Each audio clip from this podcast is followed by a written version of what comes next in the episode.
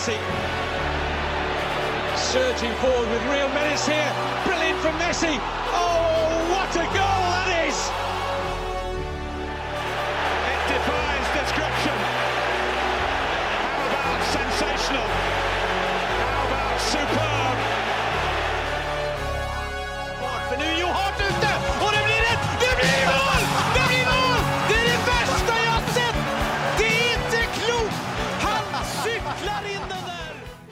Ja, da var vi tilbake igjen, da. 127. episode av den eh, meget eh, ja, omdiskuterte, kan vi si, og, og, og eh, særdeles gode fotballpodkasten 90 minutter. Jeg sitter her i vårt flunkende nye studio nok en gang sammen med eh, Tor Kjetil Måredalen.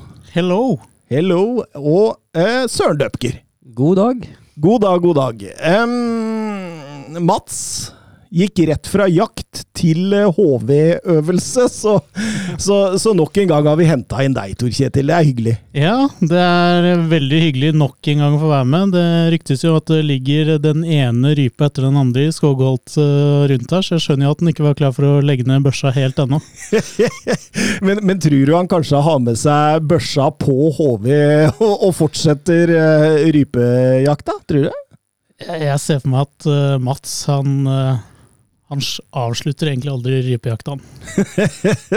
Men nå blei vi enige om sist, da, Søren, at han, han bruker rype og jakter hund, var det ikke?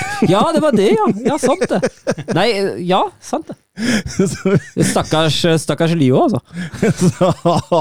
Han får trent godt opp i fjellheimen der, eller i, bak den busken Mats bor i nå. Jeg, jeg veit ikke, men uansett, vi kan jo hilse Mats og si at uh, jeg, jeg skjønner at han hører på, da. Det er gøy. Det er veldig fint. Ja, ja. Men det gjør jeg jo når jeg ikke kan være med. Da hører jeg på, jeg òg. ja det er litt sånn viktig, det. Også. da, da får man jo oppdatert seg, ikke sant, Tor Kjetil? Jo, det er uh, veldig fint å holde seg oppdatert. Uh, det merker man. Og når man ikke skal være med sjøl, så er det jo fint å holde seg oppdatert på de ligaene man ikke følger. Ja, fordi er, der er vi jo unike. Altså, vi, vi følger fem, seks, sju, åtte ligaer. Sånn, altså vi, vi følger jo fem tettere enn de tre siste, men de tre siste det, det, vi, vi har jo en oppdatering der òg i forhold til hva som skjer i, i um, Eres divisjon og eh, Liga Noss. Og Juplier League, som det heter eh, i Belgia. Eh, og, og, og folk hyller europahjørnet, så vi må jo bare fortsette med det. Ja, det er ikke noen grunn til noe annet da. Nei da. Eh, Åssen går det siden eh, sist, eh, Tor Kjetil? Alt bra? Alt er bare bra. Det er eh, ingenting nytt å melde om, så, mm, så det humper og går for min del. Og for deg, eh, Søren Døppegrud, er alt fint? Ja, det går greit, det. Ja. ja, men det er godt å høre. Det er godt å høre. Eh, Med deg da, Thomas? jeg, eh, jeg har det som eh, plommen i egget. Jeg, jeg, eh, altså, jeg har blitt litt sånn Mats Granvold, at tida Jeg har nesten ikke tid eh, for tida. Det, alt går i hverandre, og det er, det er en voldsomt eh, kjør på med fotballaget jeg trener, og, og alt mulig sånt. Så det, men, men, men jeg kom meg i havn. Hvordan gikk kampen til Lillestrøm? Uh, vi tapte 3-0. Er det godkjent? Eh, ja, fordi eh, vi hadde ikke med mange av eh, de såkalte bedre spillerne våre. Og, eh, og, og Lillestrøm spilte med et par-tre sånne skikkelig eh, Så, så, så, så, innsatsen og, og, Vi, vi tapte egentlig kampen i første omgang, for annen omgang så er vi best. Så det, jeg, jeg tenker jo at man må, må tenke litt sånn, da. At eh, det, det er liksom progresjon, det er det vi jobber med her for å bli bedre. Og så, så skal vi eh, gjøre godt fra oss i førstedivisjon neste år. Um, Geir Halvor Kleiva på Twitter han spør har Thomas fått sjekket ut IPTV nå. og jeg, jeg har kontaktinfo til kilde. Eh, Foreløpig ikke tatt kontakt, men det handler om eh, tidspunktet Akkurat nå er det veldig veldig mye å gjøre for meg, så jeg har liksom ikke fått det. Men jeg lover innen 2024 et eller annet gang skal jeg, skal jeg komme med fasit. Det, det, det får vi gjøre. Um, Skal vi bare hoppe over til Premier League, eller det er jo ikke nødvendig å, å, å, å vente noe mer enn vi må? Jeg er i hvert fall kjempegira. Balotelli, Aguero!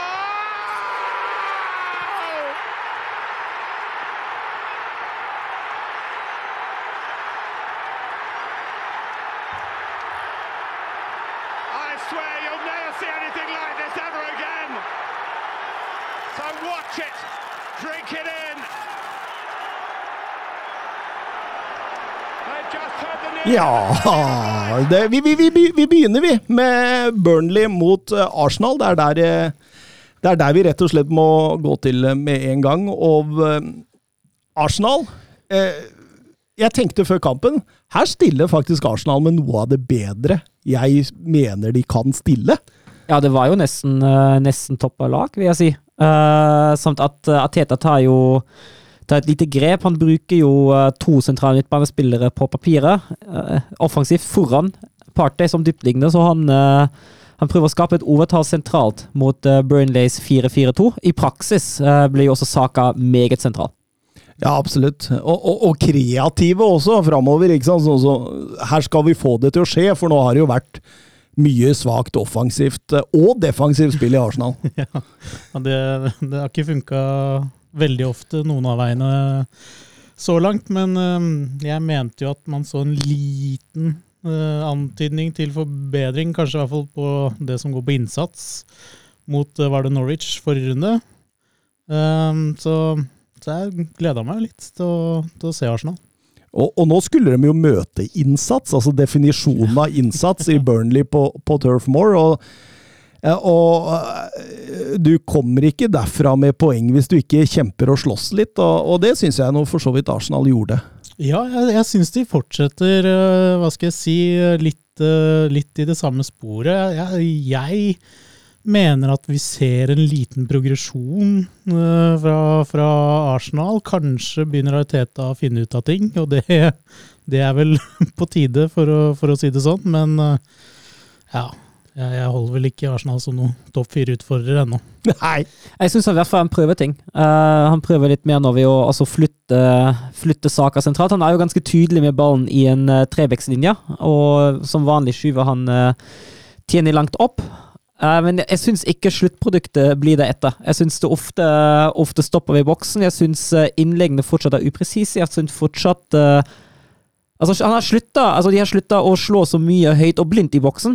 Uh, men jeg synes fortsatt hvis det skal komme så mye via kant og slå så mye i boksen, uh, så må du jobbe med presisjon, du må jobbe med folk i boksen. Uh, det er litt sånn, litt sånn to ting. Hvis du sammenligner hvordan Liverpool-spillere beveger seg i boksen og tar de løpende inn i boksen, og så viser du det side om side med Arsenal når de har ballen ut på kant, det er to helt forskjellige verdener.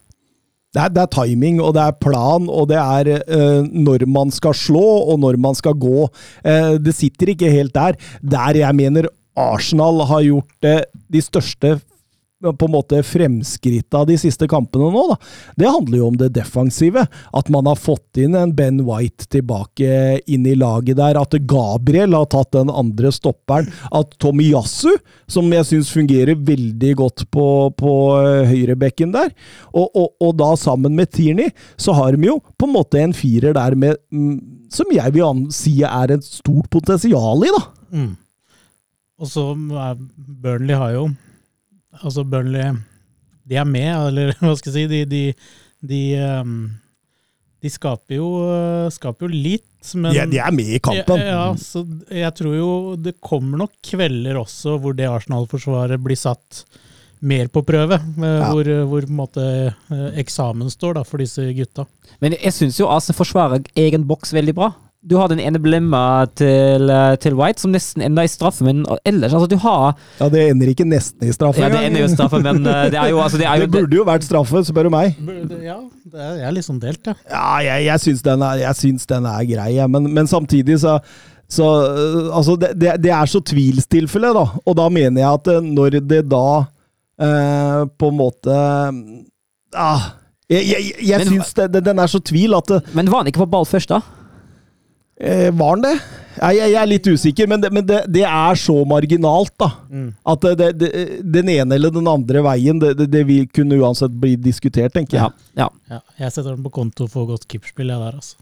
Du gjør det, ja? Jeg gjør det. Ramsdale. Ja, fordi. Det var også min første tanke. altså Når jeg så den første reprisen Uh, etter, at, uh, etter at det ble blåst, og de viste, viste reprisen, tenkte jeg men herregud, han er jo på banen først. Det er jo strålende av Ramsdale. Mm.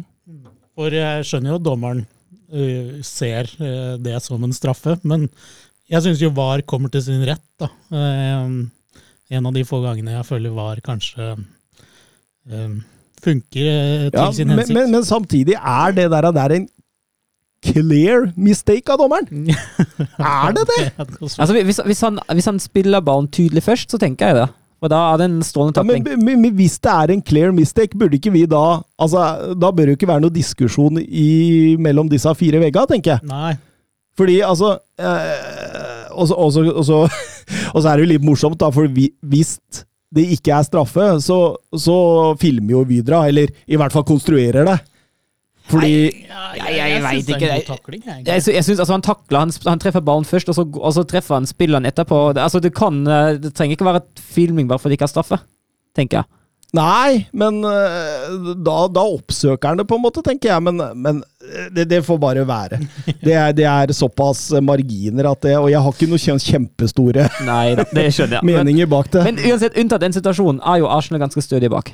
Uh, og Burnley, altså, Burnley skaper jo litt, men det er jo mest halvsjanser fordi Arsenal stenger av for skudd fra virkelig farlige posisjoner. Så de må, de må skyte fra litt med ugunstige posisjoner. Og Arsenal gjør egentlig en god, som du har vært inne på, Thomas, god defensiv kamp. Helt klart, eh, det er ikke bare bare å kjempe mot Wood og Barnes, men selv om Burnley ikke har vunnet hjemme nå på 13 kamper altså det, Dette er litt sånn som Burnley starta forrige sesong. De hadde vel to på åtte. Eh, To poeng på åtte kamper eh, sist eh, ligastart. Og måtte helt til Palace-seieren i november, før man starta klatringen. Og det virker som Daish må igjennom noe av det samme nå. Altså for Martin Ødegaard han sendte Arsenal til himmels med tre poeng med den nydelige frisparket Ja, det var herlig. Og jeg syns, generelt uh, Ødegaard spilte en brukbar kamp. Jeg syns han bidro veldig mye i, uh, i oppspillsfasen i frispilling og var en god ballfordeler. Jeg syns også relasjonen mellom han og Party liksom, ser ut som den fungerer uh, egentlig ganske bra. Da. Som at Ja. de, de kan utfylle hverandre på midten, og så har man en Smith-Roe der også. Så. Ja, så, så, Som gir dem litt kreativitet og sånt, men det er, det er, det er som Søren er inne på, det er, det er lite sluttprodukt der. Aubameyang han løper jo rundt eh, som en sånn blind høne på leit etter fôr. og det, og ja, Jeg ville kanskje prøvd Lacassette snart, altså. Eh, det er liksom, virker som alle Arsenal-trenere har et litt rart forhold til Lacassette. ja, det gjør det. Han kommer eh, inn, og så skårer han ikke og er helt kald. Og så har han kanskje to, tre, fire kamper hvor han skårer, og så er det ute av laget igjen. Og så Jeg er av den oppfatningen at hvis Lacassette hadde spilt eh, 38 kamper i løpet av sesongen, så hadde han vært nære 20 mål. Jeg tror nesten det, men han får jo aldri sjansen til å bevise det. Uh, ja em, Det var 1-0. Grei seier til Arsenal. De må ta med seg det. Seks poeng og, og sende Burnley enda lenger ned i gjørma. Eh, Det blir spennende nå, da. North London Derby neste helg, eh, er det vel? Ja, det, det, blir, eh, det blir spennende. Altså. To lag i litt krise. Ja, altså det er jo liksom, det er sånn omvendt. Spurs har vel vunnet de første tre og tapt de siste to. Arsenal har tapt de første tre og vunnet de siste to. Så den, eh, ja. Sjelden hatt mer 1-1-følelse i en fotballkamp. Kanskje 0-0 til og med. Men, men tabellposisjonen i de kampene har sjelden noe å si, altså. Det blir veldig spennende, i hvert fall. Det, det, det er vel både North London Derby og Manchester City mot uh, Chelsea, tror jeg. ja. Så Den, det den, den er starter vel eh, lørdagen eh, 13.30. Åh, Det blir en kremhelg. Fin den, altså. Kremhelg. kremhelg. Um, apropos krem, Liverpool. Oh. De fikk Crystal Palace på besøk. og eh, når, når jeg så den eh, forsvarsfireren, så tenkte jeg her har jo faktisk Palace kjangs, men det hadde de ikke. eh, Det hadde de ikke. Det virker som Klopp kanskje har lært litt av fjorårssesongen med tanke på rullering, eller kanskje han har mulighet endelig til å kunne rullere litt, da. For, um, for her var det vel Simikaz på, på bekken og Konaté som får debuten bak.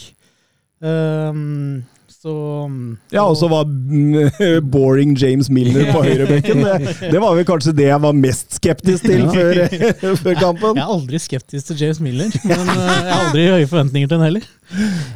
Men altså, de mister jo, de mister jo litt uh, offensivt power, men jeg syns jo uh, Klopp kompenserte bra for det. Han, uh, Henderson fikk jo nesten en sånn Alexander Arnold-rolle offensivt. Det var jo han som, som styrta mot dødlinja, som holdt bredden, og som slo de innleggene, mens Milner holdt seg litt uh, dypere i banen store deler. Ja. Mm. Men, men, det skal jo sies at um, det, selv om dette ser bra ut for Liverpool, Chris Palace fortsetter å imponere meg, altså. Altså, Den starten Pelles hadde på den kampen, ja. den var, den var, var to ståpeskudd på tre minutter. Mm.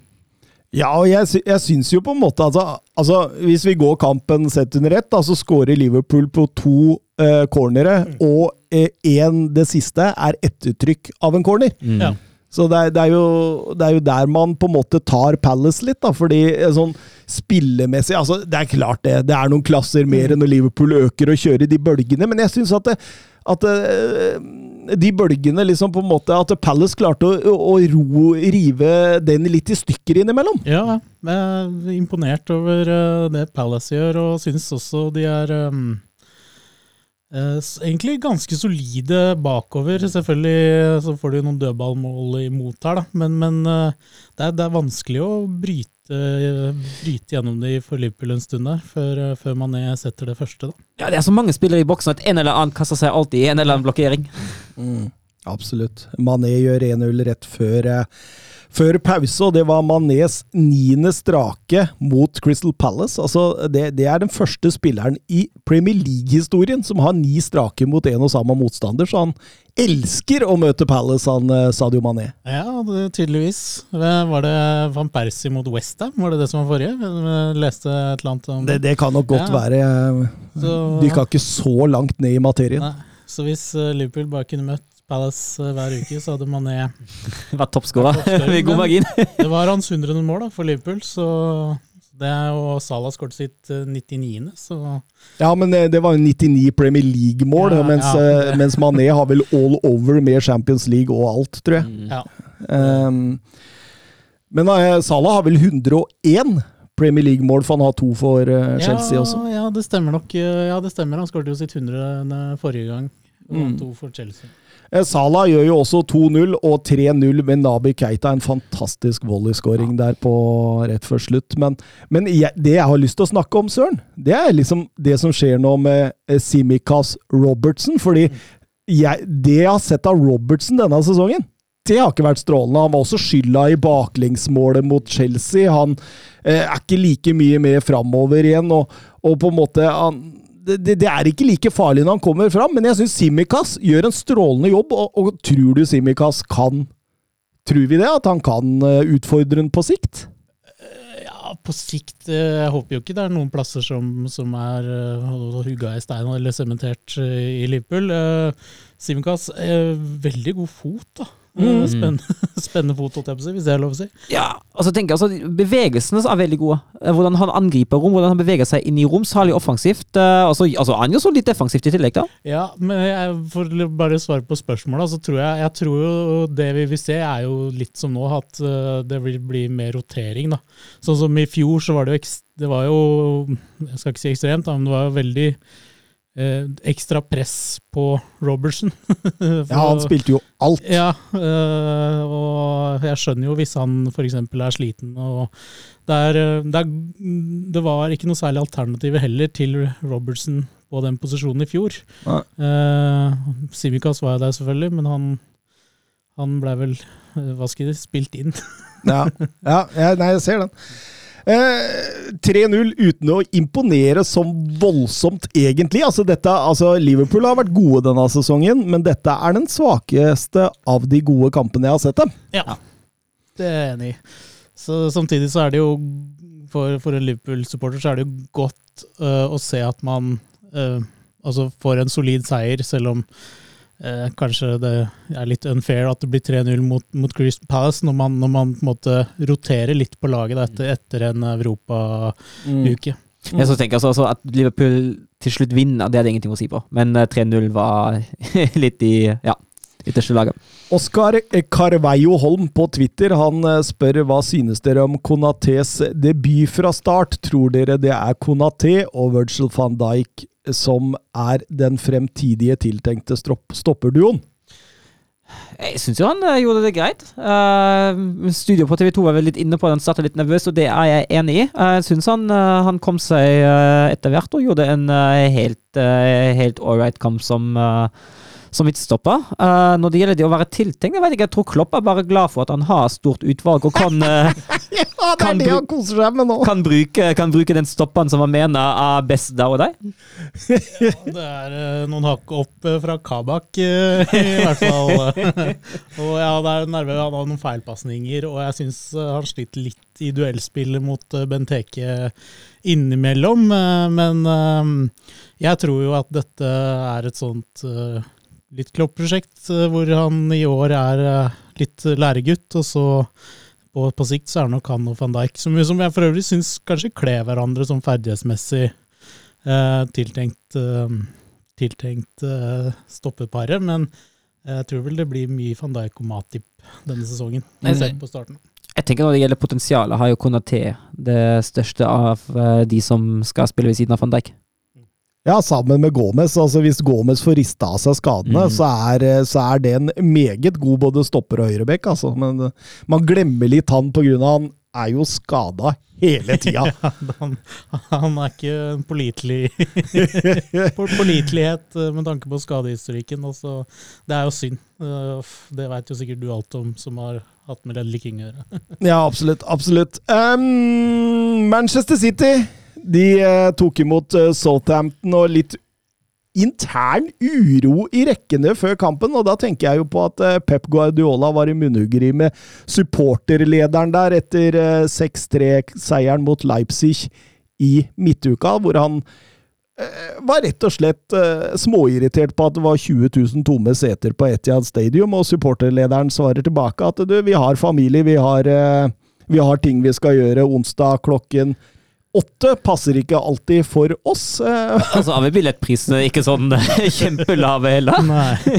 men, men, men, hva tenker dere om dette? At i eh, en Champions League-kamp hjemme, flomlys, så er det 20 000 tomme seter på Etia. Det må man forvente Hvem, hvem var det City møtte? I, Leip Leipzig. Leipzig ja, det, det, er, det syns jeg er Det er litt Det er litt skremmende. Og Uh, uansett hva det har hva, hva, Hvorfor, altså årsaken, så, så, så, hadde jeg vært ekstremt skuffa. Mm. Og, og, det ville jeg funnet roten i, hva, hva går ut på. da, For det, man kan ikke ha 20 000 tomme seter på en Champions League-kamp for et lag som, som, har Champions League som sitt høyeste mål. Men det, det virker jo da som det man er veldig godt vant, ikke sant? At, uh, vet du hva, altså Altså, i, i, Wolfsburg så er det sikkert stinn brakke i Champions League om man, vet uansett hva man møter. Wolfsburg sliter litt med altså Nå er jeg spent på hvordan det blir i Champions League, men i Europacupen sliter Wolfsburg veldig med tidspunktet. Uh, for Wolfsburg er veldig preget av uh, Volkswagen. Og mm. de kampene Altså, de kampene de er for seine Nei, for tidlig Nei, Kampen krasjer i hvert fall med både seinvakta og nattvakta på, på Volkswagen-fabrikken, da. Alle på tribunen! og da, da blir det altså, Jeg har vært på, på Europaligakamp. Det var riktignok den siste ubetydelige gruppespillkampen mot uh, Saint-Étienne. Uh, da var det ikke mye folk. Uh, men det, i Wolfsburg hadde på en måte en naturlig forklaring. At den fabrikken den stopper ikke, og veldig mange i byen jobber jo i akkurat den fabrikken der. Mm. Det er ganske sjukt, egentlig. Det er ganske sjukt, eh, men jeg tror ikke Manchester kan skylde på noe, på noe sånt. Altså. Nei, altså, altså, Jeg tenker først og fremst synd for alle som ikke var der og så den kampen, for den var ganske gøy. ja, absolutt. Det var jo helt uh, strålende, i motsetning til det vi egentlig fikk se mot Southampton, hvor det var stinnbrakke. Ja. Fordi, altså Jeg, jeg syns jo hvis, hvis, jeg kan få begynne med å si, har Manchester City altfor mange like typer som i det offensive? Ja, jeg, jeg syns altså, jeg syns den kampen, jeg tror jeg har skrevet den ned to eller tre ganger, at uh, ha mangler det en nier. Uh, jeg merker det veldig. Uh, altså, du, du, mangler det oppspillspunktet. Du mangler uh, du, altså, Når de begynner å slå høye innlegg på Gundogan og, og Jesus Da, altså, da begynner det jo altså, De, de, savner, de savner en person der inne i boksen som kan dra spillerne på seg, som kan fungere uh, som den fysiske personen som kan være, som kan være den, uh, den bokseåpneren i sånne kamper som den her. Mm. Jeg tror City hadde vunnet en kamp med, mot Southampton med en midtspiss med en klassisk nummer ni. Det er jeg ganske enig i. Eh, Men, men samtidig masse ros til Southampton her. Hvordan de, de, de er altså ekstremt opptatt av å flytte laget raskt frem hver eneste gang ballen går bakover i banen til Manchester City. Og det er alltid to punkter. Det ene punktet Alltid press på ballfører, alltid flytte etter. Og sånn gjorde jo at Manchester City de fikk jo aldri dette vedvarende presset som de normalt sett får på Etiad. Her er et lag som på en måte De har gjort hjemmeleksa si, og de gjør som det Tottenham gjorde når de stengte av med å tette igjen midten og tvinge dem rundt på kant. og og, og det, det, det, gikk rett og slett i stå altså, for Manchester City denne gangen. Ja, det, er et eller annet um, uforløst over City nå i starten her. Og um, jeg tror jo Søren er inne på mye av det, da. Og, du òg, for så vidt, når du spør om det er for mange like spillere. Og så har nok ikke Pep Altså, i fjor Det er jo litt sånn City, de går jo litt sånn det er sånn maskineri som liksom skal sveives i gang, da. Ja, altså det er finmekanikk. Ja, og så har liksom Det virker som Pep ikke har funnet helt den siste skrua og skrudd igjen før han liksom får dette her til å fungere, da. Som han gjorde for han hadde vel jeg husker, I fjor hadde vel City eller ikke en sånn krem... Nei, de, Nei, de hadde en ganske dårlig start. Mye dårligere ja. enn i, i, denne sesongen. Og så fant han på en måte den skrua med Gundogan der og sånn, så jeg, jeg tror at uh, Pep driver og og, og, tegner og prøver å se hvor den siste skrua er. Og når den, hvis finner han den i år òg, så, så, så, blir de farlig. Så jeg vil ikke avskrive City i det hele tatt. Jeg syns det er veldig symptomatisk også i andre omgang, når han bytta inn uh, De Brøne uh, og Foden og uh, Mares på rekke og rad. Først Mares og så Foden. Men han bytta inn de tre på rekke og rad, og så skaper City ingen verdens ting. Det, det, det, tar til nesten overtid før det kommer noe, altså. Ja, for, det, for det, litt, det blir problemet at han bytter jo inn folk som er helt like ja. de som går av. Det er Sånn laget er litt sånn skrudd sammen nå, da. Så at det har blitt brukt eh, eh, litt over en milliard feil i sommer, det, det, kan man jo tenke på, selv om Grealish er en klassespiller, han altså. Mm. Men eh, det var jo et straffespark, eller en straffesituasjon her også, som mm. VAR går inn og, og, får dommer på skjerm på. Og jeg er enig i at VAR gjør om på den. Uh, jeg tenker at uh, det som skjer der, er at Shay Adams prøver å sklitakle ballen, og faller, og så står Walker tilfeldigvis oppi det hele. Mm. Jeg, altså, jeg syns ikke det er frispark til Walker heller, men Adams han legger seg jo inn i sklitaklingen før Walker i det hele tatt anner ham. Mm. Og jeg tenker at det, det, er ikke straffe. Det er helt greit å omgjøre den. Der er jeg helt enig med deg.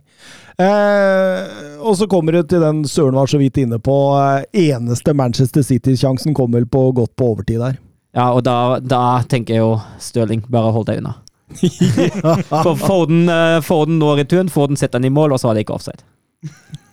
og, og, det er forskjellen på tre og ett poeng. altså At Stirling måtte blande seg inn i den der. der. Eh, dette var Manchester Citys eneste skudd på mål i hele kampen, og vi må tilbake til 8. mars 2017 mot Stoke oh. for å finne lignende tall for Manchester City, så det er åpenbart noe som uh, skurrer her, altså. Ja. Um, men samtidig, de er bare tre poeng bak ledertrioen, så det, det vi, vi, kan jo i hvert fall ikke begynne å snakke om krise. Nei, altså slår de Chelsea neste uke, er de jo helt på høyde med Chelsea. Ja. Eller nå neste uke på lørdag. Absolutt. Så det, det, blir veldig spennende å se. Eh, Manchester City det, og Pep Guardiola de må bare jobbe godt på treningsfeltet, og så tenker jeg at det, det sitter etter hvert. Det kan fort hende. Eh, en annen interessant kamp vi må innom. Westham mot eh, Manchester United. Og det var jo et Westham uten sin talisman på topp, eh, Michael Antonio. Og da tenkte jeg liksom Åssen skal de få løse dette? Det var inn med Vlasic i midtbaneleddet og en mer sentral rolle for Gerard Bowen. Bowen og han var god, altså. Ja, Bowen, Bowen, var skikkelig god. Bowen, altså, han skapte jo kanskje mest trøbbel når han var ute på høyre kant. Ja.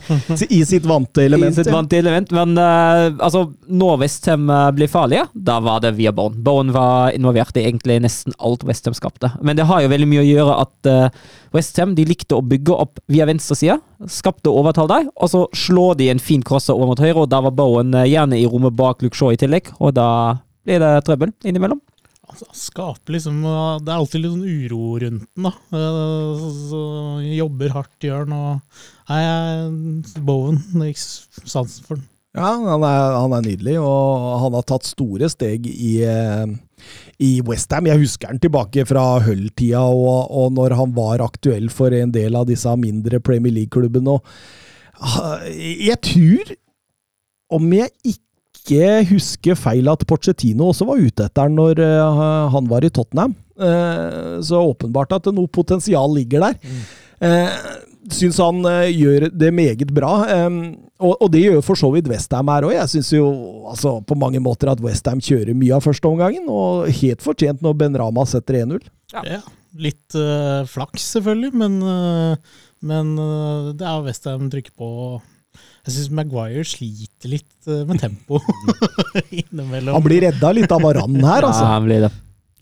Altså det, det, det, eneste jeg tenker med, med Westham, er at uh, hvorfor gir man stoppene til United så mye plass? Mm. Altså de presser, presser, ganske lavt. Uh, og jeg tror egentlig at det hadde Altså Nå gjør Westham på ingen måte en, uh, en defensivt dårlig kamp. Jeg syns jo det står De er stabile og strukturerte, og i de farlige sonene er de veldig veldig tette på, på ballføreren til United. Jeg tenker Offensivt kunne man ha hatt litt nytte av uh, å presse midtstopperne tidlig. For mm. det liker de ikke, og særlig ikke Maguire. Det har vi jo erfart tidligere. Ja, men, men, men, det kan du jo si, si egentlig gjelder vice versa òg. Altså Manchester United, hvor egentlig hvor dårlig eller fraværende toppress man har. Og, og det, det, tror jeg ofte uh, i, i, de aller største kampene så tror jeg United kan slite med akkurat dette her. Men men, men, hvis vi skal over til kampen, da, og etter disse såpeboblemaskinene som har kjørt på full guffe etter 1-0-skåringene, så tar jo United over. Det virker jo som at ok, nå, nå er det nok. Mm. Og det tar jo bare fire minutter før Ronaldo Ronaldo setter 1-1 eh, der. Ja, og tjener på at uh, nok en gang en keeper gjør en Han har fire skåringer for United, og i alle fire har keeperne gjort dårlig figur. Ja, det var helt sinnssykt. Ja, så er det litt sløve forsøk på klareringer der. Og, ja. og det er klart at når Fernandes tar fram liksom det peneste sølvtøyet han har, og serverer et ordentlig rekesmørbrød til, til, Ronaldo, som er like sulten som alltid er, så han, han lar ikke den sjansen gå fra seg to ganger, han. Nei, han gjør ikke det. Han gjør ikke det, og da står det 1-1 til, eh, til, pause. Og Ronaldo har jo en enorm sjanse også, bare altså, minuttet etter man setter i gang annen omgang der, som eh, Fabianski er strålende ut på. Kommer litt tett, kanskje, så, så Jeg kan jo også hylle Fabianski den redningen mot, eh, mot Fernandes i første. Mm. Eh, den som han uh, får satt i stolpen. Uh, den, uh, den, er fremragende. Så når vi mm. først kritiserer han på baklengsen, kan vi, må vi nesten dra fram det nå. Ja, for, for, det, er, for det, er, før skåringen til ja. Westham, ja. Mm. Står på 0-0. Mm. Ja, for Fabianski var bra. Han var ja. bra så, som vanlig, egentlig. Han er, jo, han er jo en shotstopper. Det er jo det Fabianski stort sett har, har profilert på. Men, men, men samtidig, altså, så, så, så, kjører United i starten, og så, og så kommer Westham inn i, i, kampen igjen. De kommer mer på ball, får brukt Rice mye mer. Eh, ettertrykket bedre etter overgangene, og ikke minst disse spillvendingene mot Chofal, mm. som, som begynner å sitte igjen. og da da kommer jo også denne situasjonen etter hvert med Aron Van Bissaka, som feier Sorsek inn i 16-meteren der. Og hvorfor blei det ikke straffespark?! Hvorfor er det ingen som så den der?! Altså, det, han dømmer han vel offside etterpå på, fordi Jarmolenko var det vel som fikk ballen? Fordi Sorsek blei jo feid, så han kunne jo ikke ta han imot. Det er det villeste jeg har vært borti! Ja, husker du James mot uh hva det var, Trincao? ja, ja, ja. ja, og, og der har vi en sånn en igjen! Ja.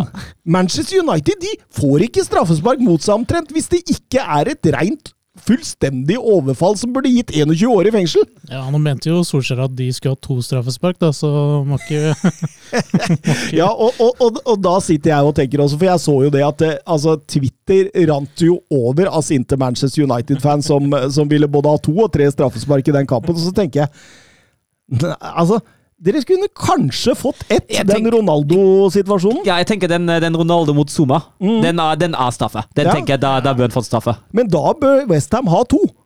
Så Ja. dere må jo slutte å, å, å klage, liksom. Det går liksom opp i opp til slutt.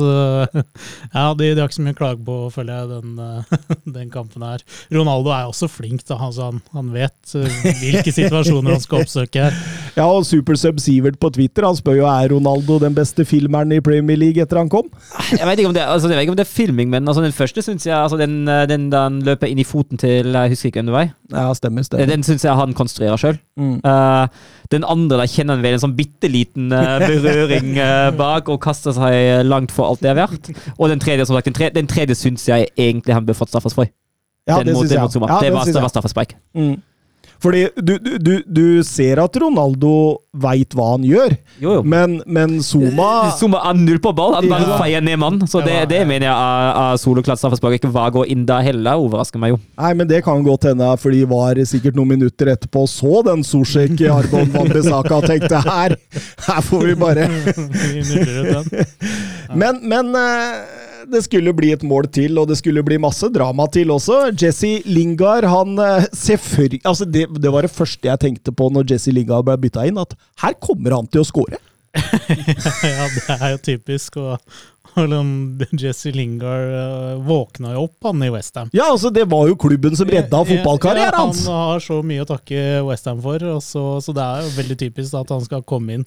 Men han var altså eh, Det målet til Jesse Lingard Han har jo Han får jo en hageflekk, og han rekker å vanne alle blomstene eh, på den hageflekken, og så køller han i lengste, da. Så, Å, det er deilig. ja, Helt riktig. Zuma må jo inn på han. ja. Han står jo bare og nærmest eh, skyggefølger den, og, og, og inviterer Lingard til å sette den opp i hjørnet. Så det er jo ekstremt dårlig eh, forsvarsspill av Kurt Zuma. ja. Men det er bra satt, da. Det, det er eh, lekkert. Det, det er lekkert, og det, det måtte jo skje. Og, og, og respektfull feiring, selv om han ikke kunne la være å glise litt. Så Nei, vet, det må være lov. er. Men jeg tenker altså, han er jo, han er jo Westham Han har så, så mye å takke for Westham, så jeg tenker at det, det er litt sånn ikke, Han feirer ikke fordi alle gjør det for det er kutyme. Jeg tenker at han, han lar være å feire fordi han virkelig føler respekt for klubben. Ja, så må jeg, jeg må jo si det, at når Lingard sa at jeg skal kjempe for plassen min i United, så tenkte jeg hvorfor går du ikke til Westham? Der har du hatt suksess, du, du, du gjorde det bra. Men uh, tydeligvis uh, et eller annet uh, mentalt uh, jeg har undervurdert ham på, for han viser jo at han, uh, han Og så var det vel en grei opptur fra Champions League-kampen. Ja. På egen hånd. eh. Det er sant. Eh, Men eh, så trodde man at all dramaen var over, og det var det jo ikke, fordi Westham får straffespark.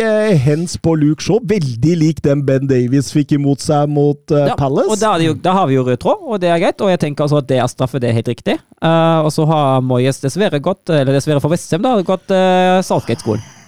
Southgate-skolen ja, med å bytte inn uh, spillere kun for å ta et straffespark. Ja, hva er det han driver med? Altså Mark Noble han var så kald. Han hadde, han, han, han, hadde ikke, altså, han, hadde ikke rørt på seg før han skulle inn og ta det straffesparket. og Det er greit at Noble han uh, har vel sikkert god track record på, på, på straffer og sånn, men det er jo fortsatt Du, du skal liksom gjøre de første spark på ballen. Det, det her er Ja.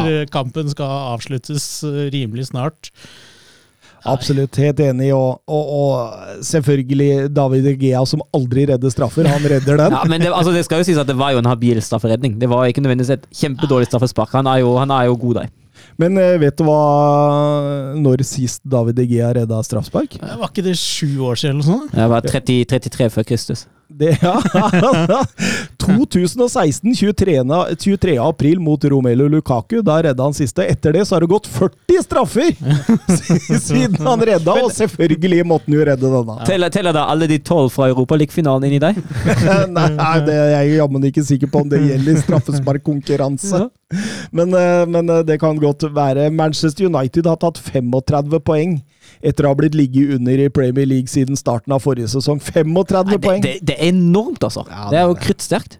Det er, det er jo mental styrke, men, men på, det, er, eh, det er rart eh, at United tar altså, Det er litt eh, altså, De presterer jo ikke sånn supert i disse Nei. kampene her. Nei, det, det, det, det er ikke samme man tenker jo liksom Å, Chelsea imponerer. Å, Manchester City er gode på sitt beste. Liverpool produserer 100 sjanser på fire kamper. Wow, for et uh, offensivt arsenal. Manchester United hangler litt mer, mm. men samtidig klarer å dra dem til sin fordel. Mm. Og det er jo også et styrketegn. Uh, Sander Midtstuen på Twitter han spør er David Egea blitt Premier Leagues beste keeper nå.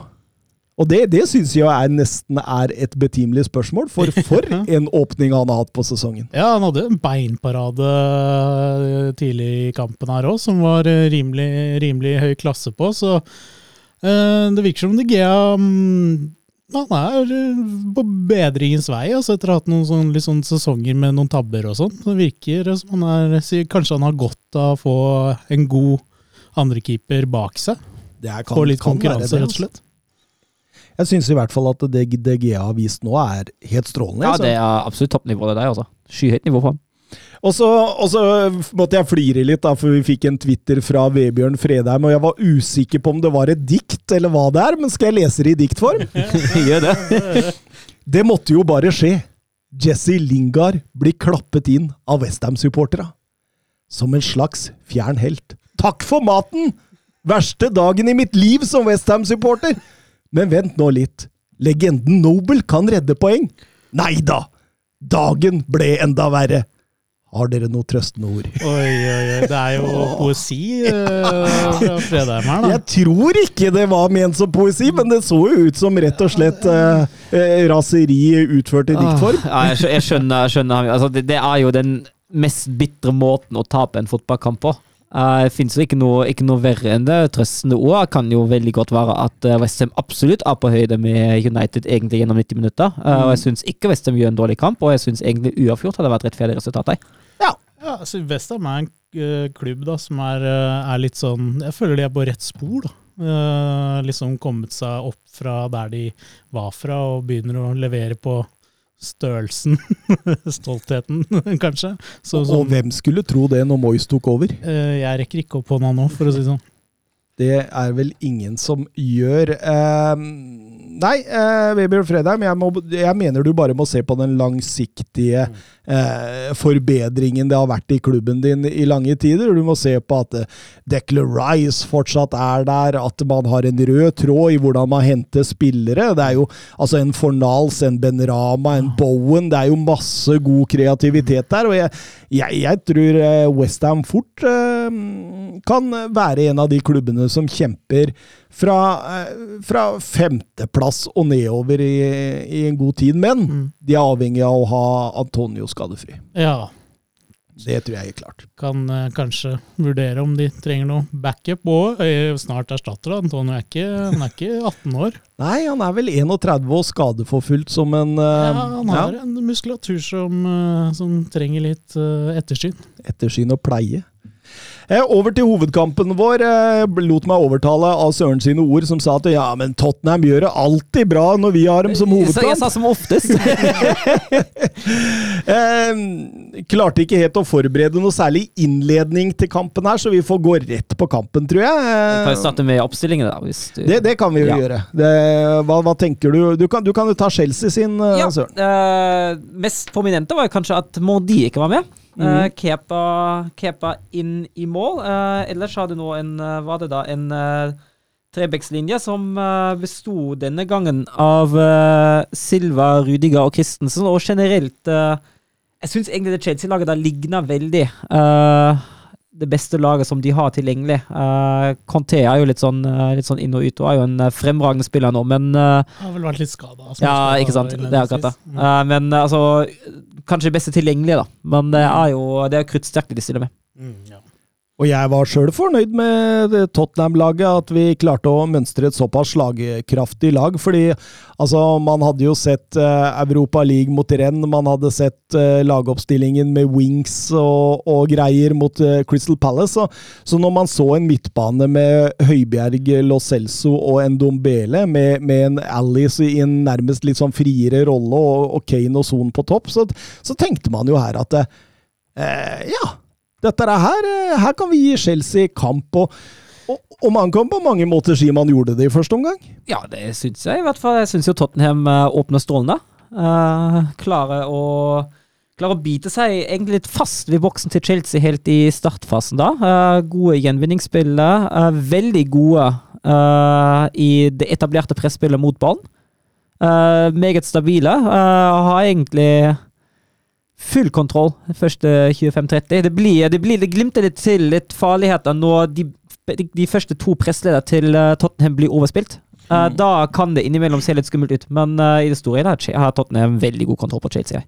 Ja, jeg syns jo virker som Nuno har gjort en god, godt forarbeid. da, Fordi mm, altså midtbanen til Chelsea er liksom dras ofte ut av posisjon, og føler at Tottenham vinner ofte den midtbane, Ja, midtbanekampen der.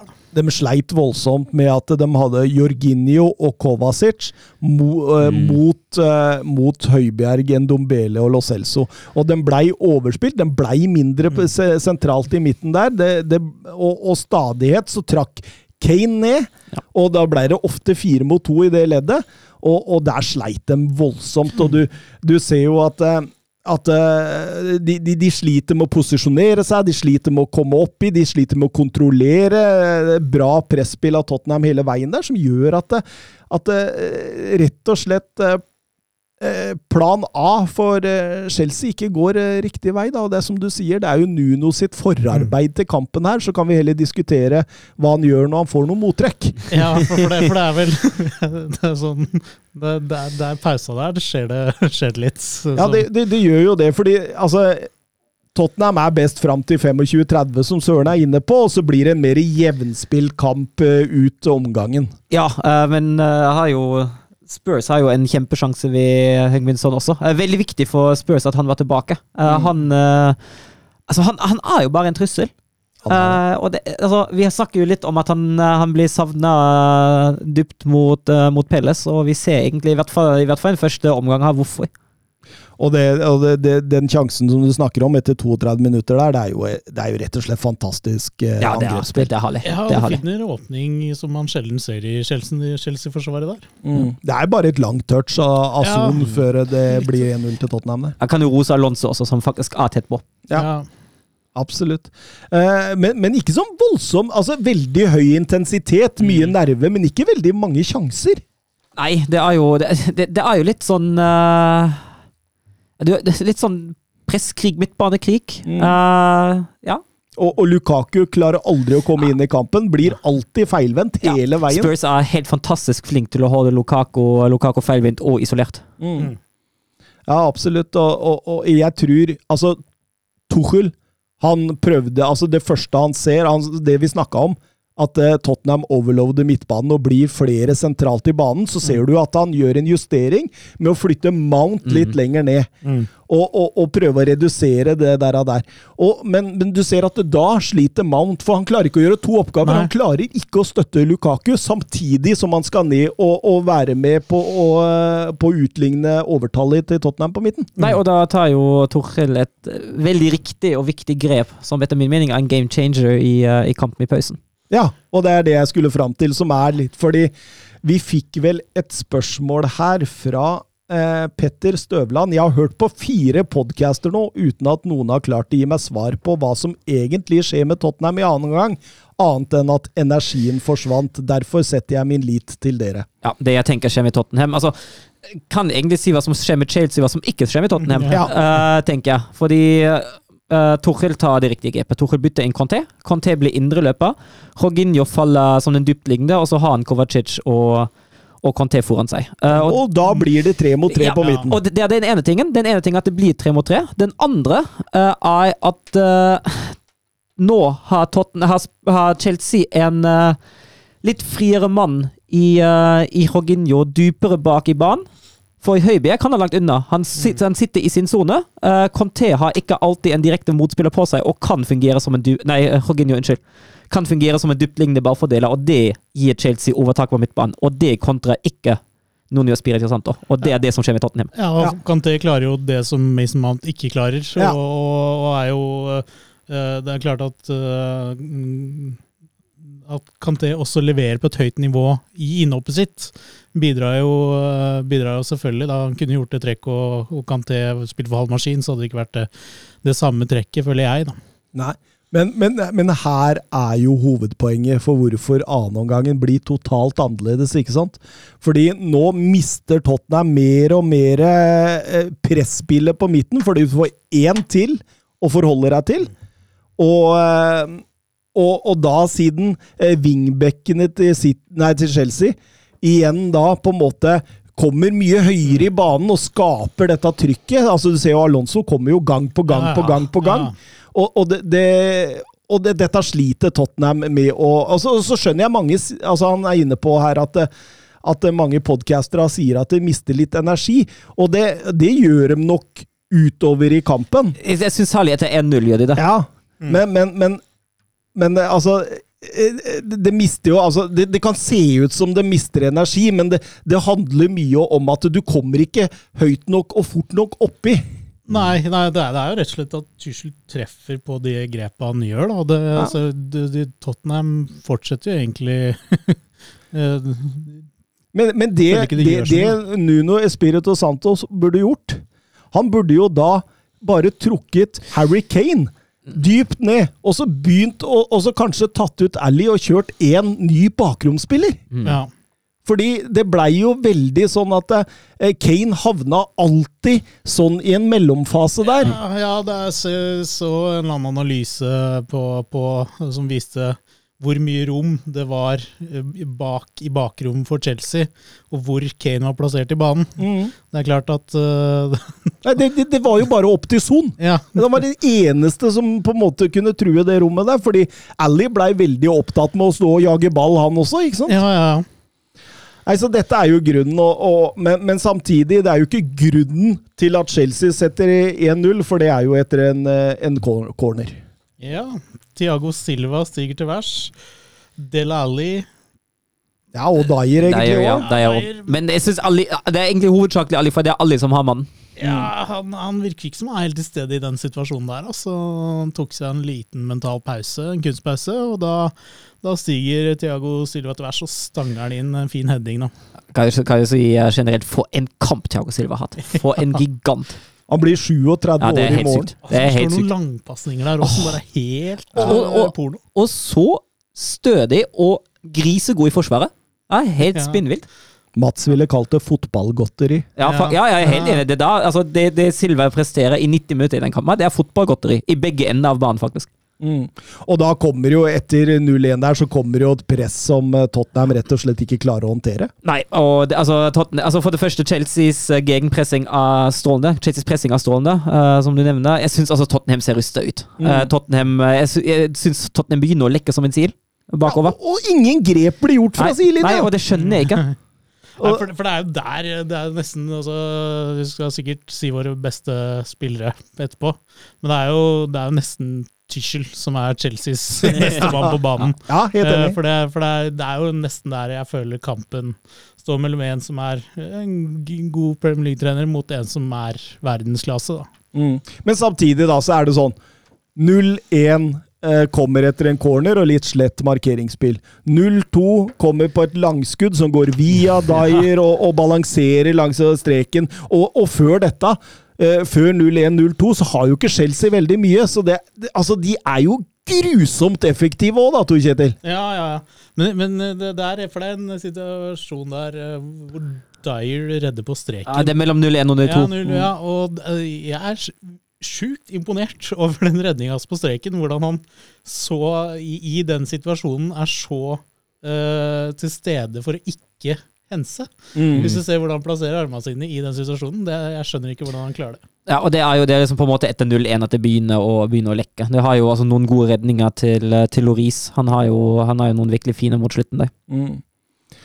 Eh, etter 0-2 eh, så ser du at uh, Tuchel begynner å tenke at uh, dette skal vi safe. Legger seg i en sånn 5-3-1-1 og skal kjøre overganger. Og, og Tottenham kommer jo da mer på ball. og men, men, samtidig, det er jo akkurat dette her som gjør Chelsea til et av de beste fotballagene i verden. At det, de er så komfortable med å bare slippe fra seg initiativet og kunne kjøre overganger. Ja, og så har jo altså, Tottenham eh, denne sesongen har jo kanskje vært et av de dårligste lagene mot eh, etablert forsvar. Jeg så tilfeldigvis på XG-statistikken for Premier League så langt i år, og da er Tottenham vel nest sist. Eh, Bare Norwich bak med 4,16. Jeg tror Tottenham hadde 4,49 eller noe sånt på nå fem kamper, er det vel? Eh, De sier jo litt sitt, da. De har fått godt betalt. Ja. Og så sliter de jo litt med det England sleit med i EM. Det er jo det å få aktivisert Kane inni boksen. boksen. For eh, det, det er en liten utfordring eh, akkurat nå. Ja, altså, altså Tottenham sliter jo mye med rytmen og den offensive samhandlingen. Det ser du jo. Man har usedvanlig mange overgangsmuligheter, men det blir ikke muligheter fordi de ikke tar dem. Og, og, og de er for upresise. De får ikke nok spillere med opp i en tidlig fase. Og ikke minst så blir Harry Kane nummer ti, og da mangler vi en nummer ni. Ja. Og det, det, det, det er der det går på. Når Rudiger gjør 0-3 da, så er jo Altså, det er, du tenker jo som Tottenham-supporter da at eh, dette kunne ikke gått verre, egentlig. Nei. Dette er, altså for her, her blir vi rundspilt i annen omgang, eh, i en kamp vi faktisk er best i første omgang. Og vi blir rundspilt av Tuchel på sidelinja, som gjør grep som vi ikke klarer å kontre på. Altså, det, er- det, vi er ikke i nærheten engang. Nuno Espirito Santo han gjør ingenting for å komme tilbake og, og på en måte matche det trekket fra Tuchel. Nei. Og det, det, det er litt sånn Da føler man som supporter at oi, den der, der er ikke altså for Hvis man i hvert fall prøver noe, da, har en idé bak det eh, så, Som jeg sa jeg ville gjort, da, at jeg ville trekke Kane ned, fått et overtall til der da, og så kjørt på én kontringsspiller til og kjørt mer bakrom. Ikke sant? Da, altså, det er ikke sikkert det hadde gått, men det er i hvert fall et forslag til hvordan kan man utligne Men, det men, igjen. men prøve. Ja, ikke sant? Det er sånn det det går på at du, du skal prøve. Du skal ikke se på at laget ditt taper 2-3-0 uten å prøve å redde skuta, liksom. Nei, for det, det kunne jo blitt mer, eh, mer også når, når det åpner seg litt for eh, Werner har vel en der når Rom- Romelu Lukaku Ja, prøver å leke den leken. Klarer Werner å score på denne, da? Og Werner svarer nei, det kan jeg ikke, for han uh, bommer aleine med Ja, keeper. da kunne vel ikke, altså Hvis jeg er Werner, kunne vel ikke ha blitt mer sånn strengt tatt, da. nei, Og han har vel en til og uh, Werner, så, så han har nå et par saftige Altså, den, den trippelsjansen de har der, den er eh, eh, Altså, Joris var Tottenhams beste. Ja, det må jo være godt å se da at Joris står i en solid kamp. Han er- han er meget god. Han er meget forrige, god. Forrige match. Ja. Eh, resultattipsene så får jo Mats ett poeng, da, for han tippa 1-2 fra skauen der. Eh, Søren tippa 0-1 og får også ett poeng, mens jeg, jeg håpa at vi dro inn land 1-1. Det blei feil og får da null poeng. Derfor går Søren opp i, i teten i, i, i Det var- det var nytt. Hva, hva får vinneren eh, Nei, jeg husker, Hva, hva fikk vinneren sist? Nei, Eller han har ikke fått noe ennå. Nei. Nei. Nei, det har vært litt sånn koronarestriksjoner på alle de eh, konkurransene våre, så vi kommer til å feste noe voldsomt! Åh, jeg gleder meg. Eh, banens beste, har du dem tilgjengelig nå, eller? Det har jeg. Eh, jeg har notert meg Det sto mellom to stykker på tre poeng, Marcos Alonso og Tiago Silva, men jeg endte opp på Tiago Silva. Eh, fordi han er eh, enorm, syns jeg, denne kampen. Men det kunne like så vært Marcos Alonso. Han har en assist, han har et goal, og han er farlig, en farlig bekk. da. Du skjønner nesten hvorfor Shilwell sitter på benken. vet du. Ja. Han- det, når, når, når det er det wingback-systemet, så er jo Alonso han, er, han passer så perfekt til det. Ja, så da ender jo Marcos Alonso på to poeng for meg, og så setter jeg Ngolo Kanté på, på ett poeng, for han kommer inn der og snur egentlig Ja, det, kampen snur med en golo. Snu på flisa. Vet du hva, Jeg er 100% enig med deg. Jeg har akkurat de samme på akkurat samme poeng. Yes. Jeg har bytta Silva og Alonso, da. jeg har Tiago Silva på tre, og så Alonso to, og Canté ett poeng, så vi er jo Vi er jo for så vidt enige alle sammen her, eh, nok en gang. Godt vi har sett den samme fotballkampen, da. ja. Jeg må tilbake til 11-12-sesongen, sist Tottenham tapte med tre plussmål i to liga, Premier League-kamper på rad. Det var vel Harry Rednap eh, og, og dette fantastiske laget hans med Adebayor og Modric og Bale og, og van der Fart og gjengen. Så, Så det er en stund tilbake i tid, det. Og Harry Kane har gått målløs av banen på sine fire første seriekamper for første gang siden 15-16-sesongen. Og på disse fire seriekampene han har spilt denne sesongen, har han kun fire avslutninger totalt! Og, og det er jo litt motsatt av sesongen i fjor Ja. som han eh, nærmest eh, bøtta inn både mål og assist fra første spark på ballen. Men du kan jo si mye om Mourinho, da, men han fikk jo virkelig ut det beste av eh, Kane og Son. Son, ja. ja. Absolutt. Eh, ingen tvil om det. Um, Super Sub Sivert eh, spør på Twitter eh, Liverpool og Chelsea de som ser sterkest ut så langt. Ja, definitivt. Jeg er enig i det. Jeg syns eh, Chelsea virker bare solide over hele fjøla. Så, så, så de virker nesten uslåelige innimellom. Og så er jeg jo veldig komfortabel med Liverpool sin start også, så jeg er enig i det. Ja, altså, de er jo De ser sterkest ut, det er jeg helt enig i, på to forskjellige måter.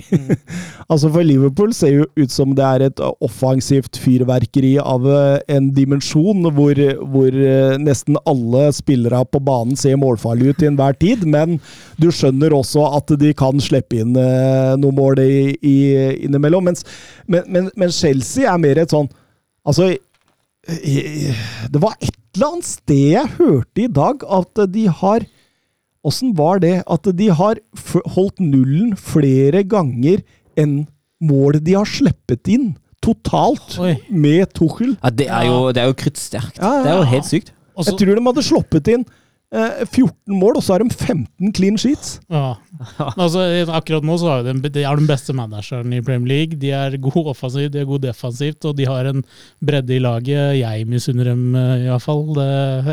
De kommer til å bli en hard nøtt i år, altså. Ja, det tror jeg òg. Det tror jeg òg. Og, og, og, og den gullkampen, den jeg, jeg tror den holder helt inn denne sesongen, og det kan, det kan fort også bli, altså, som vi var inne på, Manchester City kan fort blande seg inn i der hvis eh, Pep Guardiola finner den berømte skrua di. Ja. ja, ja, det han, han driver, kommer til å finne den skrua, og City kommer sikkert til å være med, men, men eh, Og jeg tror, for å være helt ærlig også, at eh, Liverpool kommer nok til å ramle fort når eh, I januar, eller? ja, er i januar, der? når det skremmende januarmåneden kommer, så nei. Nei, eh, det får være. Det blir spennende å se i hvert fall mye, mye gode lag i Premier League denne sesongen, og den gullkampen den kommer til å bli voldsom. Og det er gøy. Det er meget gøy. Vi, vi setter kursen til La Liga. La Liga. Ja cap a la dreta per Xavi,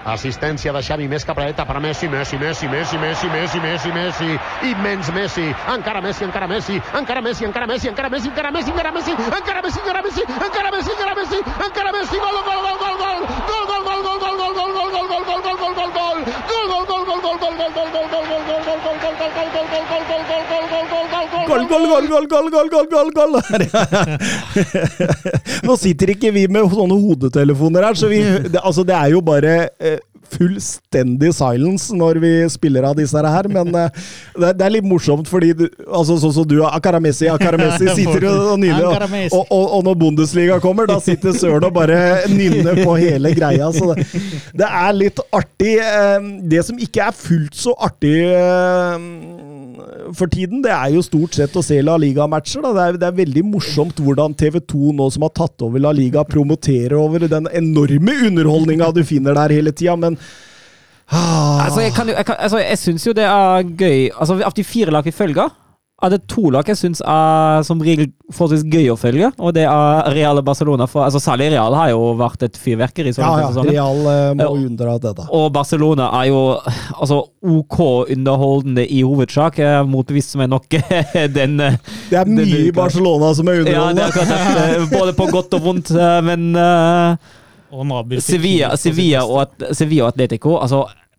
gud bevares, altså. Eh, Da Altså, å våkna på Altså, jeg, jeg sto opp på søndag klokka sju, så skulle jeg se i reprise Atletico, City og Arsenal. Fire og en halv time fotball. Ett mål. Den det er tøff. Den er, den er tøff. Da man blir fort ensom på søndagen da. Altså. Eh, men vi skal eh, over til Atletico Madrid mot Atletic Club. Og ja, eh, to svært forsiktige lag. Det tas rett og slett veldig liten risiko i laga. Ja, og det ser, du, det ser du ekstremt tydelig i spillet mot ball. Det er ingen som gidder å presse høyt. Det er gjerne alle elleve mann i egen halvdel og sikre egen boks. Og det er ikke rart at kampen der blir som den blir. Nei, hva skal man si av det? Altså, Simione, da. Han, hva er det? Han, han, han, har, han kan liksom én ting, føler jeg. Ja. Når ikke det funker, så funker det ikke. Nei, det er, det er litt sånn, og, og det, det er litt moro hvordan man lemper på offensiv skyts utover i kampen her, men det kommer vi tilbake til. Men altså, altså Atletic Klubb har jo en ene, et eneste mål med denne kampen her. Det er å bare tette igjen. De skal ikke få skåre mål. Atletico Madrid skal ikke være i nærheten av Unai Simon. Og så skal vi kontre Minake Williams. Husker, husker, du, eh, husker du for et og et halvt år siden sånn, så hadde vi jeg tror det var Atletico mot Atletic eh, som hovedkamp. Og det var det. akkurat den, en lignende greie som det der. Det Ja, var nesten akkurat det samme. Var det etter da du sa vi skal aldri ha Ja. Atletico Madrid i Det var, det var den som vippa noe for meg, at vi aldri mer skal ha Atletico som hovedkamp. Og, og, og dem får altså Atletico Madrid får faktisk pipekonsert inn til pause, og det er veldig sjeldent du hører eh, fra, fra den eh, kanten. Ja, men altså Simione er jo gud. Ja, og eh, altså, de aksepterer jo det meste, men det der, altså, det der var jo så tynt. Altså, det hjelper jo ikke å stå å stå defensivt bra mot et harmløst atletikk, uh, klubblag på hjemmebane, når du skaper ingenting. Og Nei, det, det, det er ikke tilløp til sjanse engang. Nei, altså, altså, altså Vi snakker jo om et, eh, et Athletic Club da, som sender fram to og tre spillere i kontringen, og så Ja. skal de ligge tilbake Ja. med sju og åtte! Altså, Men, altså, men altså, hvis du ser på Atletico Det eneste altså, skrev ned hvordan vil de, hvordan vil de score sånn midtveis i, uh, i uh, første omgang. Og det, altså, det er sånn, man, sikter, man prøver å sikte seg litt inn mot bakrom på Sadio på kant, og så prøver man å angripe, å angripe noen rom i boksen, men det er alltid det samme. Det, det, det er samme program hele tida, så, så lenge Atletic eh, Club har forsvart akkurat de rommene som Atletico vil angripe i boksen, så er det ikke noe fare på ferde i det hele tatt. For når covid nå er på hell, så er den spanskesjuka som foregår med akkurat den type fotballen her, det, det er, føler jeg er den, det som sprer seg mest nå. Ass. Det er, eh, det er mer redd for det enn covid nå. men men, men, men, annenomgangen blir bedre. Ja, det blir det. Det, Det blir bedre. ja. Altså, altså det, det er mye, mye barnesykdommer ute og går i begge laga der. Altså, ja, men, men samtidig, dette var Atletic Club sitt, eh, sitt store mål, om at eh, sånn skulle vi ha det. Og, og, Atletico Madrid de triller og triller. Det er ikke noe særlig balltempo. Det er svært få løp, og det er ingen motsatte bevegelser eller flere fler løp samtidig. Altså, det blir så spett, og du, du er fullstendig avhengig av at en av disse stjernene skal kunne åpne noe helt på egen hånd. Og det Det fungerer ikke. Det fungerer ikke hver kamp. Du hadde, det var vel eh, for noen uker siden at Korea fiksa biffen. Eh, Så hadde vi forrige uke da det var eh, Carasco som fiksa biffen i, i begynnelsen, så var det Limar som, som bidro sterkt da òg, men det, det, altså, å basere, å basere angrepsspillet på individualisme, det er ikke helt, uh, ikke helt pålitelig. Nei, absolutt ikke. Jeg hiver inn på Carasco, Suárez og Felix i tur og orden der. Vil ha dette målet her, men uh, de, de sliter og sliter i det offensive spillet. Og så får Joao Felix rødt kort, han. Det gjør han, og han Jeg veit ikke om han er ferdig med den situasjonen der ennå, eller om han fortsatt sitter på gutterommet og griner og sutrer og banner og sverter. For maken til, øh, til bli, bli, utvist for første gang på 139 kamper i sin profesjonelle karriere, og Jørgen B. Redia spør Bøhmann ikke snakke litt mer om hvor stor flopp Joao Felix egentlig er. Ja, jeg tror, eh, jeg tror han sliter litt i sitt system. Eller Men det sa vi når han kom, Ja. husker du det? Ja. Men uh, altså, jeg hadde, jo, jeg hadde jo tro på ham foran forrige sesong. Uh, nå, ser jeg, altså, jeg er jo enig med, med Jørgen, han ser jo iskald ut. Altså, nå, nå, jeg, jeg, jeg gikk inn for å sjekke litt her.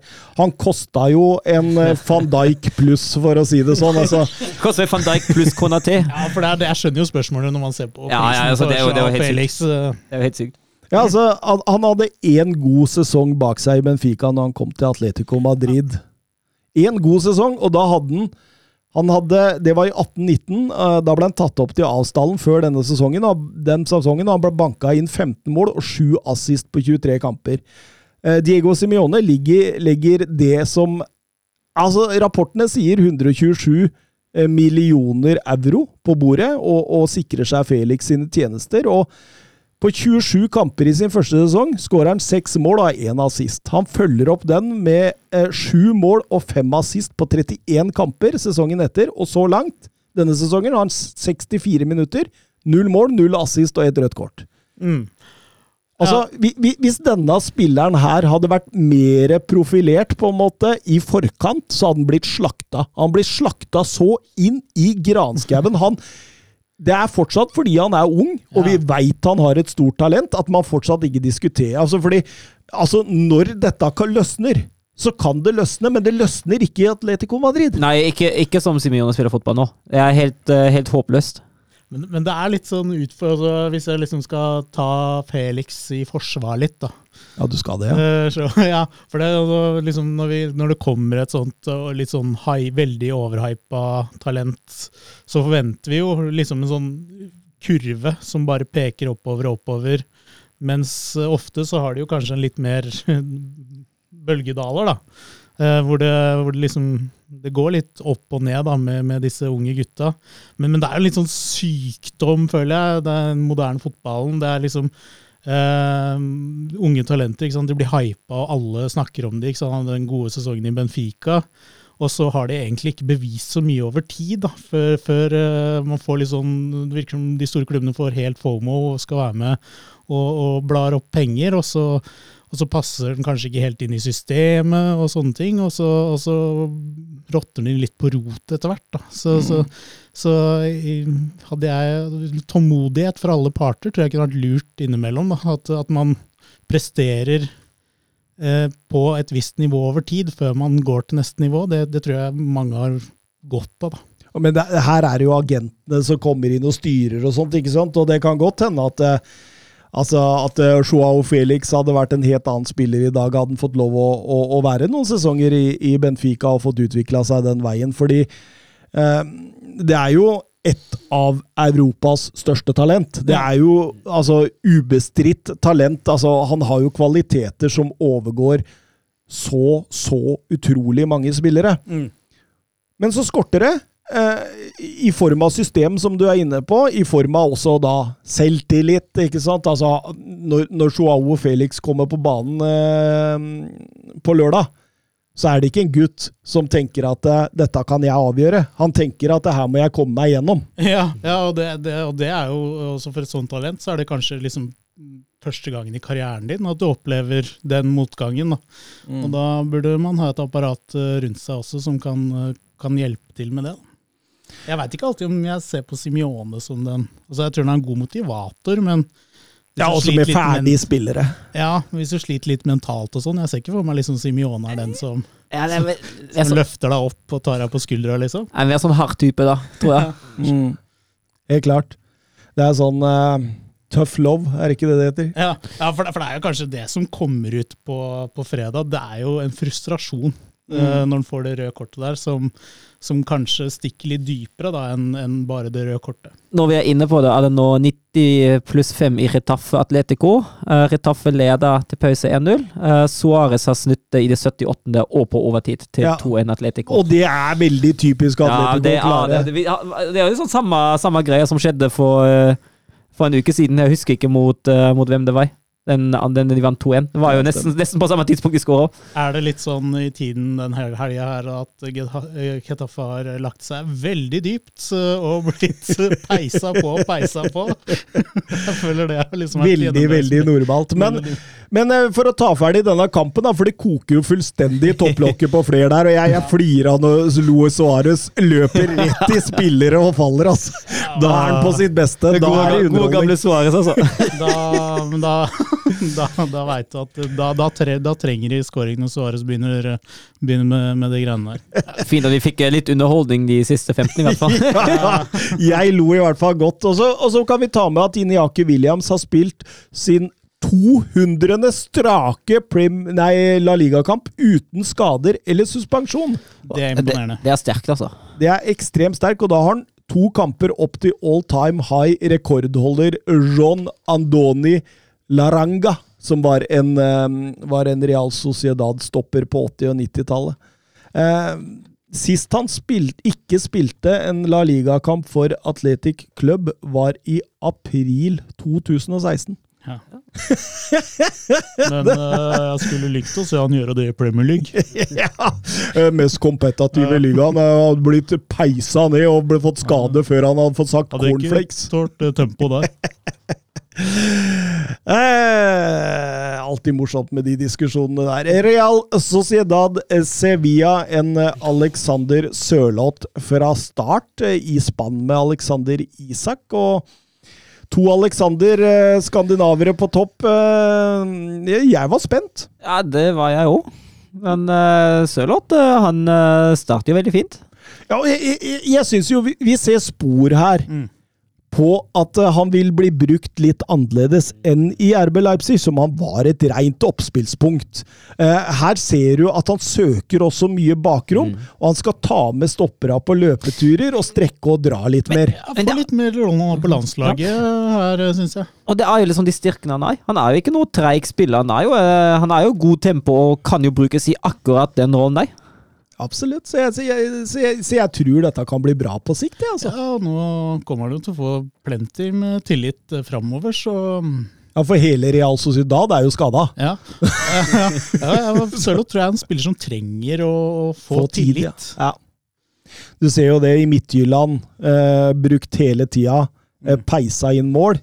Kommer til Crystal Palace, får nå og da. Eh, mislykkes. Og så er det til Tyrkia. Peiser inn mål igjen. Og så kommer han til, Real, til, til, til Leipzig. Mm. Mislykkes igjen. Fordi der blir han en sånn annenfiolin. Helt enig med deg. At uh, Sørloth med tid dette tror jeg kan faktisk bli bra. Jeg syns han viser tegn her i denne kampen her som du tenker at eh, ok, han der han kan fort skåre en 10-12-14 mål i, i, eh, i La Liga. Ja, og innsatsen kan man jo ikke ta ham på. Han skaffer jo også straffespark. Han gjør det! han gjør det. Eh, Diego Carlos igjen. Fryktelig klønete den der, altså. Ja, men altså, Diego Carlos, siden han kom til Sevilla, så er det den spilleren av alle i topp fem-ligaene vi følger, som har lagd flest straffespark. Såpass, ja. Men han, jo, han var jo ute nå altså Det var jo straffebonanza mellom eh, Sevilla og Salzburg i, i Champions League eh, på tirsdag også. Det lagde jo Carlos sin første år. Salzburg klarte riktignok å konvertere én av de tre. Så. Ekstremt god stopper, men kan rote det noe voldsomt til Ja, det, og det, å gi bort det straffesparket, det var jo, altså, det var jo så unødvendig. Men, men at det blir 0-0 eller uavgjort i den kampen her, det føler jeg er, det føler jeg, er- det, er- det er greit. Det, det, det, er, det fortjener de begge laga. Ja, Foye Sabal han bommer jo på straffa, Ja. og den er nonsjalant satt, altså. Ja, det var dårlig, det var dårlig, det var dårlig straffespark. Ros til Direa, men altså, her trenger jo Bono egentlig bare å bli stående. Men det er akkurat samme som Neymar skårer på 1-1. Uh, Ja. Akkurat samme Altså, type straffe, sånn- så det, det, det kan jo gå. Sånn rent statistisk er det best å skyte den sentralt. Ja, for keepere slenger jo seg av gårde. Eh, morsomt med sånn live rockeband eh, ute i annen omgang der. Jeg flira, altså. Sto på Det var full, eh, kjør, fullt kjør med bass og gitar og, og langt hår og trommer og det, det, det var artig, men det var liten rock'n'roll på banen. Det var liten rock'n'roll. Eh, Jeg foregrep litt i stad, så, så er det fordi eh, Hvis du ser på statistikkene fordi i den kampen her, så speiler altså laga hverandre på nesten alle. De har like mange innkast, de har omtrent lik ball possession, de har omtrent like mange skudd på mål, de har omtrent eh, eh, likt på alt. Så den der. Og så er det en sånn kamp når du sitter, når du sitter og ser den, så tenker man Altså, hvorfor heiv jeg ikke inn månedslønna mi på 0-0 på oddsen? Eller under 1,5 mål, eller et eller annet. Nei, det blei jo som sagt 0-0, og vi kan eh, dure videre til eh, Valencia mot eh, Real Madrid. Og som Simen Stamsø Møller sa så godt før kampen, at dette er en storkamp i form av klubbenes størrelse, og det er en toppkamp i form av klubbenes tabellposisjon. Ja, og det er gøy at Valencia har kommet seg opp dit igjen. Ja. Det er fryktelig morsomt å se at Valencia lykkes igjen. Men de, de, de kom til kampen med en helt ny venstreside. Og i løpet av første omgang så må de lage en helt ny Ja. høyreside. Det, og, og, og, og, at Soler må ut etter 14 minutter, det, Den, den, Det er er trist. Den, er, den er bitter. Han er jo en hardig spiller. Uh, og han er jo en ekstremt viktig spiller for, uh, for dette Valencia-laget òg. Men når det er sagt, Valencia kompenserer ekstremt bra. uh, og det viser, at, uh, det viser at systemet i Valencia fungerer veldig godt. Når innbytterne kan gå inn og bare fylle den rollen uh, nesten like bra som førstefiolin. Ja, for Bordalas, uh, Tore Kjetil, han har jo fått inn en sånn Getafe-go inn i dette laget, syns jeg. Ja, Tern, eh, Tern er tilbake, og det eh, trengte nok eh, Jeg tror Valencia trengte en Bordalas-type, da. Mm. Som, eh, som står og pisker litt og, og, og får fram eh, eh, Hva skal jeg si, et par, eh, par, eh, Ja, som er ekstra mil i beina. Gæren i huet! Ja, ja. Ikke sant? Her får du, altså, får du rødt kort, ok, drit og dra, da, men da, da må vi takle dette, for vi skal ut og kjempe og krige, og vi Ja. skal kjøre baller fremover i angrep hele tida. Ikke noe sånn der, eh, tiki-taka på midten eller noe sånt. Her, her, her skal vi fram, vi skal score, vi skal få resultater. Og du, du kjemper for meg, du skal gi 110% hvis ikke så er det rett ut. Ja. Sånn er jo Bordalas, og det har Valencia veldig godt av, tror jeg. Hærfører, rett og slett. Ja, og den 110% den er jo til stede hele tida for Valencia i, i kampen. egentlig. Jeg lot meg imponere over gegenpressing. Jeg syns, uh, syns Valencia var veldig gode til å gå i strupen til Real. Ga dem lite tid med ballen. Eh, holdt Venicius feilvendt i 85 minutter. Det holdt nesten. Eller 80 minutter, da, men eh, ja. Hugo Duro er Ja. god i matchen her, altså. Ja, strålende, strålende. Og, og jeg, jeg tenker 27 minutter, så vil Maxi Gomez ha straffespark der, i duell med Alaba. Eh, selve kontakten skjer utafor, så straffespark er utelukket, men er det rødt kort på Alaba? Jeg syns han faller lett, ja. Ja, og, og det gjør jo Maxi Gomez, Ja. men, så, så jeg tror jo at hvis det er alle andre enn Maxi Gomez, så kan det fort bli For så, for så vidt, ja. Fordi du ser jo det er en kontakt der. Jo, kontakt er det. Og, og, og eh, Altså, det hadde ikke vært noe i veien for at han hadde fått rødt kort der, altså. Nei. Men altså, jeg, jeg føler at det er en sånn 50-50. Jeg tror ikke hva gjør om hvis de må utvise han heller. Nei. Men jeg vet ikke, altså, jeg, er det, er det spørs Er det en uh, Det en clear and obvious error og ikke gi rødt? Det er liksom det som var spørsmål. Det evige spørsmålet. Ja. Og, og så måtte jeg flire, fordi var det rockekonsert i Baskeland, så var det jo et jævla orkester. Ja, hva er det? Hvorfor? Hva- Har 17. mai-musikk Ja. som drev og kjørte rundt der. Hva fanken? Altså, hva, hva er det de står med instrumenter på tribunen her, og hvor står de, og hvem stakkars folk er det som må sitte ved siden av, siden av disse? Jeg husker I Tyskland var det, var det tidligere veldig vanlig det var sånn inn, om vinteren var det sånn ei uke i januar der klubben gikk inn og spilte litt sånn indoor-turneringer som kom på TV. Og alltid storstad, så jeg digga det. Og da var det innimellom sånne, sånne trompetduder og orkester og hele pakka. Men eh, på en, på en La Liga-kamp har jeg ikke sett før. Hvis jeg drar til Mestaya og ser fotball, skal jeg sitte bak det orkesteret, for det jeg, bare, jeg bare ser for meg liksom når det Nå setter vi i gang, gutta! Det står en dirigent foran der og sånn, ja. Ja, men, men, men, eh, men i motsetning til Baskerland da, og, og hos La Real, så var det jo faktisk eh, halvveis rock'n'roll her, syns jeg. Fordi eh, jeg syns jo det er en ekstremt intens og morsom fotballkamp. Ja, det er det absolutt. Eh, Og, og Real eh, har ikke tenkt å la denne matchen gå fra seg. Nei, øh, jeg, jeg synes jo altså, Valencia er veldig flinke til å gå bredt med kantene, og dermed strekke eh, Real Madrids bakre firer i hele tida. Rommene som åpner seg opp mellom Militao og Alaba, blir utfordra et par ganger. og Man var ekstremt close der med, med Jeg tenker jo da på Gomez-Alaba-situasjonen, men også Gedes igjennom der hvor, hvor Courtois gjør en nydelig redning. Ja, Courtois generelt Courtois har blitt virkelig god, altså. Ja, Courtois er fantastisk. Han, eh, han er blitt eh, en av topp tre keepere i verden, spør du meg. Ja, han, eh, jeg har en Real Madrid-kompis jeg skrev litt med han på mandag etter kampen, og han sa, han sa brannfakkel. At for ham er Courtois nå verdens beste akkurat nå. Hva har Donnaroma gjort for å ikke Nei, jeg, tenk, jeg, tenk, jeg tenkte også på Oblak, da, for all del. Ja, Men, eh, altså, men det, nå, altså, Kotva er jo nå på et nivå da det nesten er smak og behag, så jeg er ikke nødvendigvis uenig med ham. altså. Neida, neida, Jeg for syns jo han har absolutt et poeng. Ja da, jeg skal ikke arrestere den på det, men, men, men, men, men en annen ting altså, jeg tenker på. Skal Casemiro ha rødt før uh, pause? Og da tenker jeg på taklingen på Maxi Gomez igjen, og så, så, så, så, så, så kan du det. Men altså, Den, ja, ja. han fullfører jo med strake bein Ja, der. Han får gult. Uh, at, at, at, eh, at Casemiro klager, blir jo nesten småkomisk. For jeg, jeg mener jo han kan nesten prise seg lykkelig for at det ikke også er rødt. For det, det er den fullføringa gjennom. Jeg er enig, enig at den, eh, den er i, i hvert fall oransje. Han er det, altså. Jeg- Og klage på gult, det, da klager du bare for klage, tror jeg. Så at han kunne fått rødt kort der, ja, det er ikke ja. Men, da, men da kunne i realiteten da, Real Madrid eh, dukka opp til annen omgang med 9 mot 11. Sånn egentlig, hvis, hvis altså, fordi det er to oransje situasjoner, dette, i hvert fall. Ja, det er bare Magina imot som eh, Eller Magina får, da. Eller med Magina imot har de dukket opp med ni til andre omgang.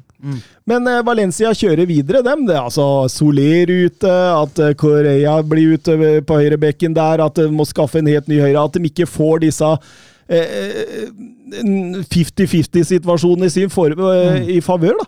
Det bryr de seg ikke noe om! De peiser på videre, de kjører, de trøkker innsats, eh, energi, og, og det er jo fortjent når Hugo Duro setter 1-0.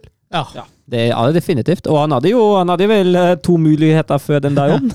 Ja, for Hugo Duro skjønte jeg han har vært han var i Real Madrid i fjor. Mm. Ja, i Castilla. Han, altså, han, han, han er jo egentlig en Bordalas-spiller, fordi Bordalas hadde med han i, i Getafe. Ja. Og så ble han lånt ut til Castilla i Ah. sist sesong. Ja, sånn, sånn Og så har Bordalas henta han til Valencia ja, nå. så han er litt sånn kjæledegge for Eh, Bordalas. Bordalas kjæledegge, ja. Ja, det skjønner jeg godt. Bra innsats. Og Men, men, men hva sier du om Lucas Vasques? eh, Ja, den, har- den har gått klønete, den der, altså. Hvorfor snur han seg? Han er ikke det er, eh, det er feigt. Det altså, hadde, jeg, hadde jeg spilt på lag med han, så hadde jeg jo kjefta han eh, etter kampen. Slakteren. ja, for det er, det er Du skal ikke være redd for ballen. Altså. Han spiller mot oss. Han er mot oss. Ja, han er mot oss. Eh, Didrik Tofte Nilsen eh, spør på Twitter kastet eh, Bordalas tre poeng ut av vinduet med å gjøre de defensive byttene 10-15 minutter før slutt. Jeg syns jo litt det. Jeg syns han er inne på noe der, altså. Fordi jeg syns Valencia er best, og Horde Real best unna når de er aggressive. Når de er tett oppi mann, og når de presser litt høyt. For han tar ut Duro, Mm. Gedes og Maxi Mm. Gomez på en gang, og erstatter dem med de mer defensive type spillere, og kjører kun én i toppresset. Ja, og det kan ha kostet dem litt, altså. Ja, for, for, da, for da blir det jo, det blir jo ingen trusler. Det blir, altså, Real Madrid trenger ikke å tenke på uh, altså, Knapt å tenke på defensiv altså, da, da er det bare å kjøre, kjøre gun Ja, ja. ho. Da. Ja, kjøre alt framover, og det gir resultater. Eh, Vinicius junior står plutselig helt fri på bakerste etter Benzema-forarbeid der, og får æren av å sette 1-1. To stykker som har uh, Går via Folkier, så det var vel ikke noe voldsom avslutning, men Nei. Men to stykker som har funnet hverandre. Der ja. ser ut som den relasjonen sitter som, øh, som øh, et mattskudd på ei rype i skogholtet. der. Det. Og så kan det sies at, eh, som jeg har vært inne på, eh, Valencia har jo skadeliggjort Venicius i 80 minutter. Og så har han egentlig ikke en særlig stor kamp, og så klarer han likevel å prestere to målpoeng og bli helt avgjørende. Det er jo sterkt, det. Og Didrik Tofte Nilsen han eh, fullfører her med Hvor god er Vinicius junior nå, Thomas? Hilsen Didrik Tofte Hansen. og jeg kom vel til skade for å kalle han eh, Tofte Hansen forrige gang, og få høre dette, og, og nå fortsetter med denne Vinicius-greia. Men altså, han spiller jo ikke noe god kamp. Nei, det ikke det ikke. hele tatt, og, og avslutningen hans eh, måtte innom Folkier for at det skulle bli scoring. Så, så jeg, jeg trekker jo ikke denne kampen som noe sånn Og nå har Venitius løst uh, Nei, men innlegget til Benzema er strøkent. Den er Ja. helt fenomenal. Ja. Og, og, og det er jo som, Sør, nei, som Tor Kjetil sa, er de to der. Og det, det er jo litt morsomt med tanke på historien de hadde fra ja. Ja, Det hørtes jo nesten ikke ut som Vinicius hadde livets rett, uh, mente Karim Benzema en stund der. Men ja, eh, det, det, det var fælt. nå er det jo det er jo det som er, da, kanskje med Vinicius og Benzema sammen nå, er at de er, selv om de kanskje er borte deler av kampen, og så, så er de en trussel da, som, eh, som stadig vekk dukker opp. Og da er det vel lov å synes litt synd på Valencia. ja, det er det. Eh, de har gjort Altså, de hadde fortjent poeng, syns jeg. Eh, Til alle tre òg, spør du meg. Ja. Altså, De er jo best fram til Bordalas surrer til i 75 minutter før slutt med de tre byttene. Ja, må vel uh, kanskje snakke litt uh, keeper på den På den 1-2-skåringa. Mamadashvili feilberegner jo fullstendig det innlegget der. Hadde vært bedre. Jeg vet ikke om han kunne ha gjort noe mer om han var på streken, men det hadde vært bedre om han ble på streken. Dermed kunne Real Madrid forlenge streaken sin med bortekamper i La Liga uten tap. Altså, De har 18 kamper nå, borte uten tap, og det er deres 23. kamp i La Liga uten tap totalt sett. 17 seire, 6 uavgjort og 0 tap. Så det, de er en voldsom streak. og når vi skal over til streak, så er jo Benzema helt vill for tida, og det er spilleren i samtlige topp fem-ligaer med flest målpoeng så langt. Oi, oi, oi. Han står på 11 målpoeng. Han har seks mål og fem assist. Og vi må tilbake til Messi i 11-12-sesongen for å finne lignende etter fem serierunder. Det er imponerende. Vet du hvem som er nummer to på denne såkalte Er det, er det? Erling Braut Haaland? Det er det, vet du. Ja. Erling Braut Haaland står med ti, altså én bak Benzema, sju mål og tre assist. Jeg skulle si Elban Rashani. Ja, nå, men det. Neste da er helt ned på sju, og det er Lewandowski. Han har sju mål og null assist. Vi har eh, Michael Antonio på sju også, men han har fire mål og tre assist. Kylian Mbappé, Florian Wirtz, og til slutt, på denne lista jeg så, Paul Pogba. Han har null mål og sju assist! Ah. Jeg trodde du skulle si Elban Rashani. igjen. ja, for han kjører på, han. Eh, vi går over eh, til Barcelona mot Granada, og det var jo en oppsiktsvekkende elver jeg så når jeg slo på kampen i går. Ja, Coutinho er tilbake! det er første som slo meg. At, Yes. eh, oi da. Og økonomiansvarlig i Liverpool bare sitter og gleder seg til de ekstra hatene. Økonomiansvarlig i Barcelona, hvis de fortsatt har en uh... Men altså, det er da famler de blinde, da. Ja, altså, al- al- Han hadde jo på ingen måte en god kamp. Det var jo helt horribelt, det han viste. Han, eh, Men, men eh, samtidig, altså, du, de stiller jo med en Balde som er 17 år på venstrebekk. Nå skal vi ikke hogge beina av han, men en, en Demir som egentlig ble henta til Barcelona B, som plutselig får en, eh, en nøkkelrolle her. og ja, det, det, det sier jo litt da om situasjonen i Barcelona, at man nærmest Det, det er en sånn Altså, det, det er litt sånn som eh, når korona havna inn i fotballaget jeg trener. Ja. At det, det blei sånn opptelling før hver hvem, hvem kunne? Det var ikke noe mer sånn du blir tatt ut og du blir tatt ut. Det er hvem kan spille for Barcelona i helga? Det er litt sånn, da. Rekk opp hånda hvis du vil spille i helga. Og, og de fikk jo så hatten passa i midtuka mot Ja, Det var helt sjanseløst mot Bayern. Det var fullstendig overkjøring. Men, men det kan jo sies kanskje, altså, kanskje det er en bra ting, da. At Balde og Ja. disse Ja. unggutta At Gavi får Ja, kommet ja, at, inn at, de, at de nå liksom tenker nå må vi kanskje satse litt på dette La Masia igjen, da. Jeg er, mindre, jeg er veldig lite kritisk til, til Balde, Gavi og den gjengen der. Jeg er mye mer kritisk til, eh, til figurer som Luke de Jong og Coutinho. Og, og vær så snill å ta med Busquets. Å ja da, helt greit. Fordi Det er det han roter til. altså. Altså, altså, altså 1-0-skåringen til Granada Den kommer jo etter ett minutt og et eller annet. Ettertrykk etter corner, og så eh, Escudero slår inn, treffer panna på Duarte. Og jeg hører jo kommentatorer og all slakter Frenkie de Jong, og, og delvis også Ter Stegen. Og, og det, det er forståelig, det. Men, men, men spol den tilbake og se hvorfor fikk de corner! Det er fordi det løper en Sergio Busquets i et returløp som er nesten så komisk at du skulle tro at han dreiv med en sånn miniputt-fotball på Hellerudsletta. Det er så dårlig! Og, og, og Sergio Busquets, og, og måten han følger opp på utover i kampen der Altså, det er så elendig, og han må ut av det laget hvis det skal komme noe Ja, det var vel også han som var, som var på ikke, Eller ikke på Escudero før han slo det innlegget der. Ja, men, men, men, men alt han gjør, er ræva! Og da er det på tide å bytte den ut!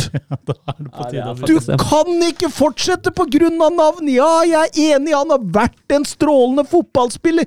En talisman, en lederfigur, en, en, en kontinuitetsbærer i Barcelona og på de beste, beste tider. Men nå er det over! Jeg orker ikke å se Sergio Busquets mer, jeg blir sinna! Ja. Tallerkenen er tom, middagen er spist opp. Takk for deg. Slokk lyset! Ferdig! Bli assistenttrener til K-mann eller et eller annet. Gjør noe fornuftig. Da har han ikke jobb lenger. For dette her Dette er kølsvart. Ja. Og, og du må få han ut, og du må dyrke Frenkie de Jong i den rollen Ja. fra nå. Og så får du heller, når Pedri kommer tilbake, kjøre Pedri og Gavi eller et eller annet sånt. da på, Fordi dette her, det, det er ingen framtid! Nei, og Gavi, Sergio Busquets er ferdig! Ja. og Gavi og Pedri av framtida. Ja, Definitivt. helt, helt klart. Um, men Granada, da. De, altså etter 1-0 da, så finner de ut at nå, nå skal vi legge oss godt tilbake i en 4-1-4-1 eh, og, og la Barcelona ha ballen. Og så skal vi kontre, og spesielt da med denne Marcin.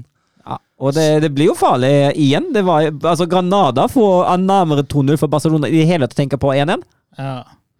ja, de har vel en, en ganske saftig Er det etter 11 minutter? Ja, den- en den kontringen, ja. Ja. Sjanse, ja. Um, men jeg må jo altså Jeg blir jo frustrert også, da. Granada de trekker ned tempo, de virker de slutter de, altså, de fortjener jo ikke å bli kalt fotballag en stund der. Eh, altså det, den tittelen må de bare miste, fordi fotball spiller de jo ikke. Det, de legger seg ned, og det drøyes, og det, det, De bare suger liksom De ødelegger dagen, kvelden min, da. Ja, men det er jo, altså, det er jo hvis, altså, Jeg er enig i at det ikke er noe gøy å se på og bra, og bra fotball og hele pakka, men det å oppstykke kampen sånn, det ganger jo dem til de grader. Ja, altså, Barcelona som kommer ut av rytmen, eller rytmen, Uh, men Åssen rytme? Ja, det er akkurat det. Altså, altså jeg, jeg satt og tenkte litt på Arsenal når jeg så hvordan de Ja, pumpa ja, baller ja, inn i faktisk. Det er like blindt. Ja. det, det er like elendig med folk i boksen. Det blir nok litt, litt, Det blir faktisk litt bedre med folk i boksen etter hvert, men det er jo fordi Koman finner ut at oi, det eneste vi klarer å produsere i den kampen, det er innlegg. Altså, For de- Arajo er, er jo farligste, ja. Er, Han er jo den farligste Han er jo den farligste spissen deres. og da, til pause, så kommer Luke de Jong inn. Og det, og det er jo litt forståelig, da, fordi vi har hatt 17 innlegg fra åpent spill i første omgang. Og, og, og 17 innlegg på Depay og, og Demir, og eh, det, det, det holder jo ikke. Ja, dette er et kampbilde som passer Luke de Jong, sitat Simen Stamse Møller. F- eh, Går det ti minutter eller noe sånt, så står Luke de Jong aleine med keeper og stangeren. Altså. Ja, fire, fire meter fra mål, og stangeren opp på 18. rad på kamp nå der. jeg tror ikke det finnes en eneste kamp som passer Luke de Jong, egentlig. Nei, det, det, det tror ikke jeg heller, men altså Altså, Martin Hjort Bjørklund på Twitter han sier dere må vel ta en prat om desperasjonen til Koman de siste 15-20 der. Ja, og, og altså Johan Cruyff han eh, roterer i graven, altså. Eh, det, han har gått over fra å snu til å, til å? Til å rotere. Uh, og det, var, det, altså, ikke bare på grunn av de, altså, de siste 15 er det jo på en måte forståelig, men hele den kampen Det er ikke sånn Barcelona skal spille fotball. Nei, det, det er jo, altså, dette er jo en desperasjon på, fordi han ser nå at eh, utover i annen omgang der, så finner de jo ikke ut av det. Altså, Det holdt ikke med Luke de Jong. Eh, vi, vi, vi, Nei, vi trenger en goalgetter Eh, her. Piqué! Da kjører vi Gerard Piqué, og så er spissduoen til Barcelona Gerard Piqué og Luke de Jong. Og hvordan havna man der? Ja, Tenk, tenk hvis Braithwaite også hadde vært på banen nå. Hadde Den offensive trerekken med Braithwaite, de Jong og Piqué. Men de, Det er jo en mann som sitter på den grønne mil og bare venter på å få beskjed om at dead man walking, eh, Ronald Coman da. Det er, det er jo desperasjon ganger desperasjon. Ja, og det ryktes jo sterkt fra Spania nå at Coman også er ferdig. Ja, det, det, det bør den jo være, men det, bør, det, det det være flere som er ferdige i den klubben. Det er mange flere! Både spillere og ledere og alt som er. Og, men, men da! Eh, uansett hvor utrolig det var å se Barcelona gå fra Tiki Taka til Stoke under Tony Pulis, så Men, men, men det gikk jo altså det gikk jo ikke bare til, til Stoke etter de siste 15, det gikk jo til Stoke etter 15 minutter. Ja, ja. Det, er, det, er, det er morsomt. Og nå Ronald Arajo setter 1-1 etter haugevis av lemping i boks. Mo og kriging og Piquet Piqué og Luke de Jong og alt som verre er. Så fikk jeg den der Bjørge Lillelien på hodet. Den der, han, han, han, den der tiraden han har når Norge slår eh, England på Ullevål. Den Ja, ja, ja. Sir Matt Burl Og da, da, da kom det til meg sånn Big Sam Allardyce. Roy Hordsen, Arne Erlandsen, Egil Drillo Olsen, Tony Pulis, can you hear me? Tony Pulis, jeg har et budskap til deg! Barcelona har kopiert din stil!